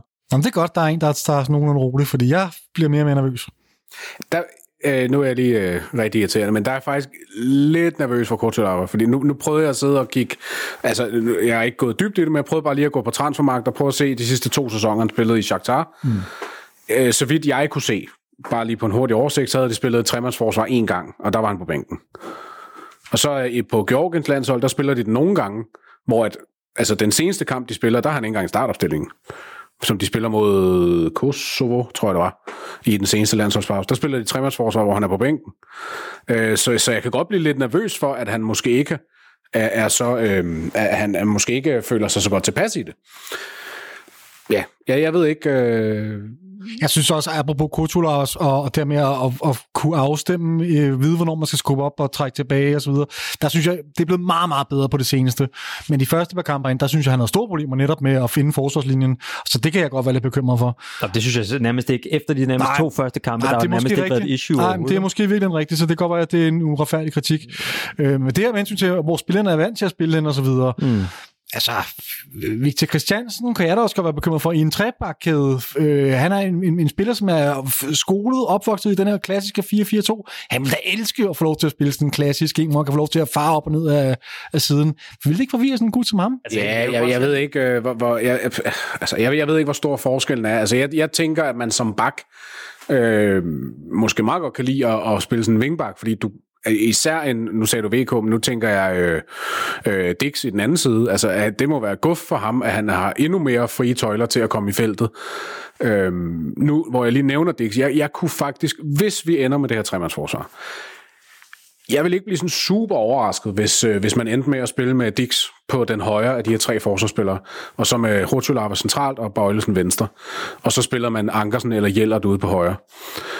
Fordi at jeg kunne godt forestille mig, at det man noget af det, man gerne vil have, det er, at de to yder forsvarsspillere, vi skal kalde dem det, at de er stærke på bolden, det vil sige, at de kan trække den med frem, og de kan de kan indgå i spillet længere fremme på banen, oh, både i relation med, øh, med bak og med centrale spillere og sådan noget. Og der, der tror jeg, at om det så, det vil så formodentlig blive Rutscholava, hvis, hvis Gabrielsen også spiller, der tror jeg, han har sin mangel. Øh, han, er, han, han er ganske fin i fødderne som, som centerforsvar, som vi spiller nu, men jeg tror, han har sin, sin, uh, sin mangel i forhold til at være, være involveret længere frem på banen. Så der, jeg, kunne, jeg vil ikke blive overrasket. Jeg vil selv gå med Dix på højre bak, eller højre vingbak. Men jeg kunne godt forestille mig, at han faktisk ender med at spille en af de tre centrale. Tror du, det er realistisk, at, at Jes tænker nogle af de samme tanker som jeg? Ja, det tror jeg. Også fordi, nu, uh, nu spurgte du før, om det var for farligt og sådan noget. Jeg synes jo, det er meget sjovt at tænke tilbage på, at der var fire kampe tilbage før vinterpausen sidste år, det var øh, efter vi spillede i Randers, eller efter vi spillede hjemme mod Randers, så tager vi til Sønderjyske og spiller den her 4-3-3 ud af ingenting. Og bang, så var det nye FCK født-agtigt, ikke? Og så kørte det derfra i, i de sidste fire kampe, øh, hvor vi så øh, vinder i Sønderjyske og hjemme mod Horsens og vinder i, i Nordsjælland, før vi spiller uafgjort hjemme mod OB. Jeg tænker bare, Men det kom at der bare ud af ingenting. Ja, jeg er med. Så det er bare meget sjovt, at nu står man så med, med fire kampe tilbage igen før en vinterpause.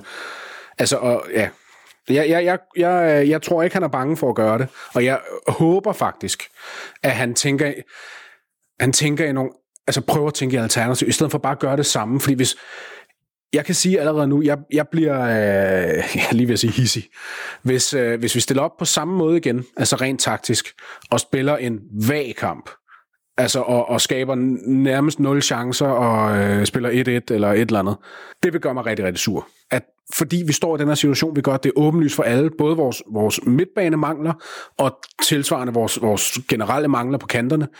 Jeg synes, det er en, en træners opgave at, at, at, at løse noget rundt omkring det. Mm. Altså, så må man gøre det på en anden måde, og så må man gå mere primitivt til værks. To angriber op i feltet, nogle vingbaks, der skal bare skal slå en masse indlæg. Øh, så er det måske det.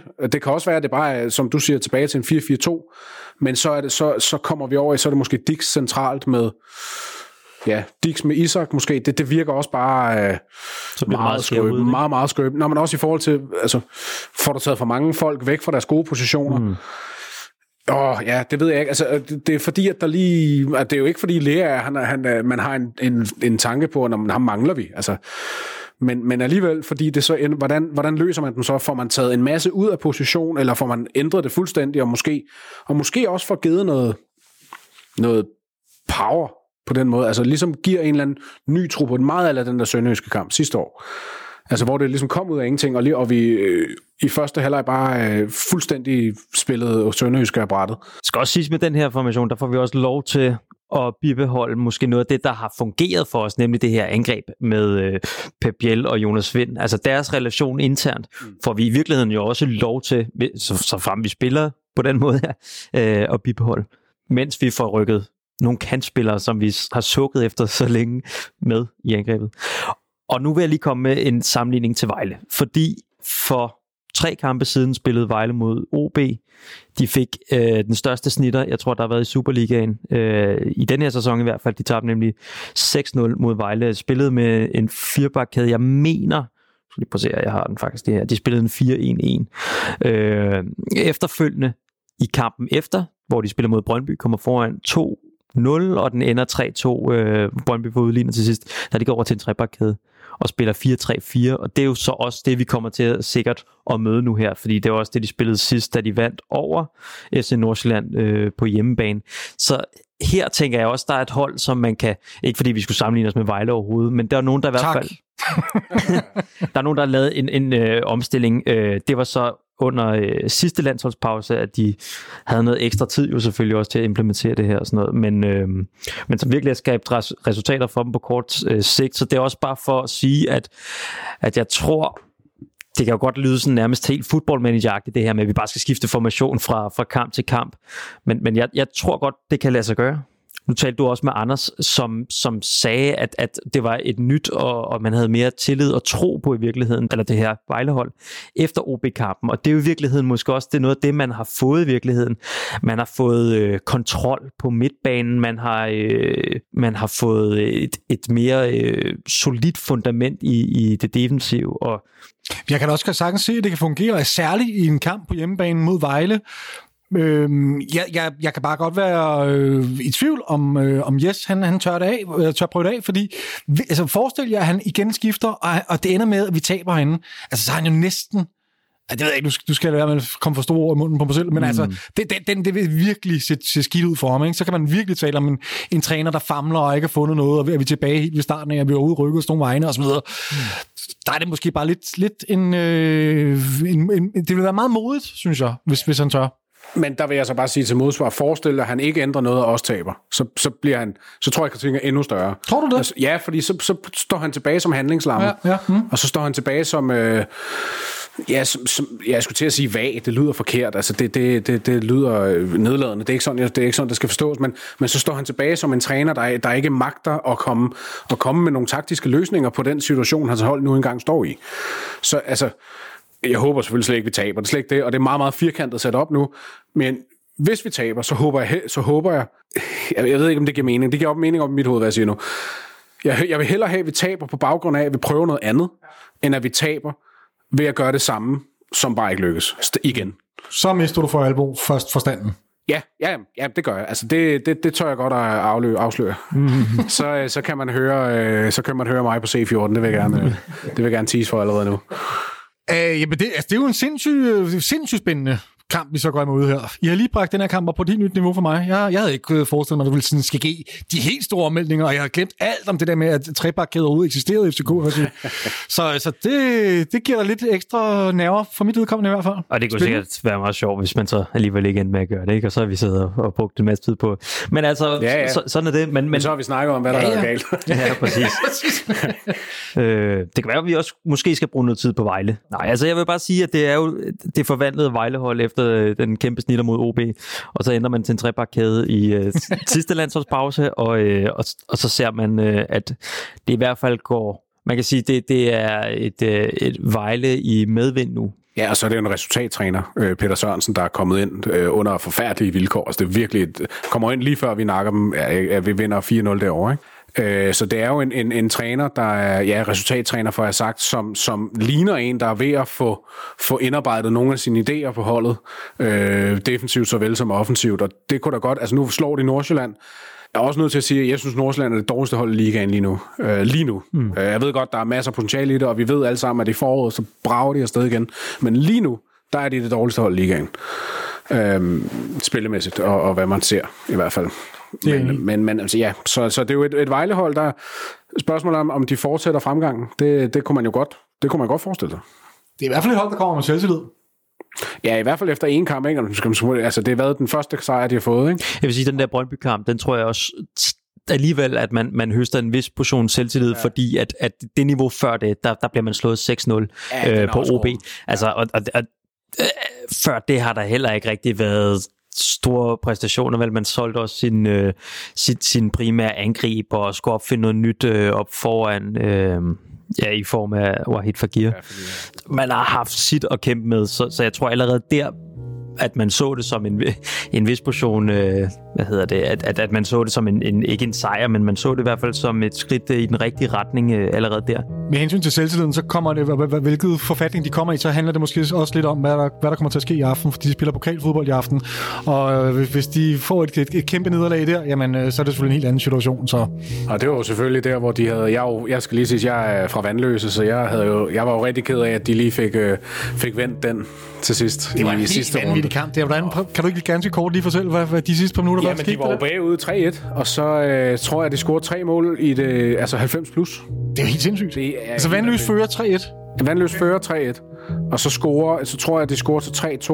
Du kan ikke lige huske minuttal, men hvis jeg husker rigtigt, så er det, jeg tror alle tre mål er i efter 90, eller også så er det 2-3 målet, det er lige før, og så er det 3-3 og 4-3, sådan 90, 4 og 90, eller sådan noget. Altså fuldstændig... Ja, det er synd, mand. Det er sgu... Øhm...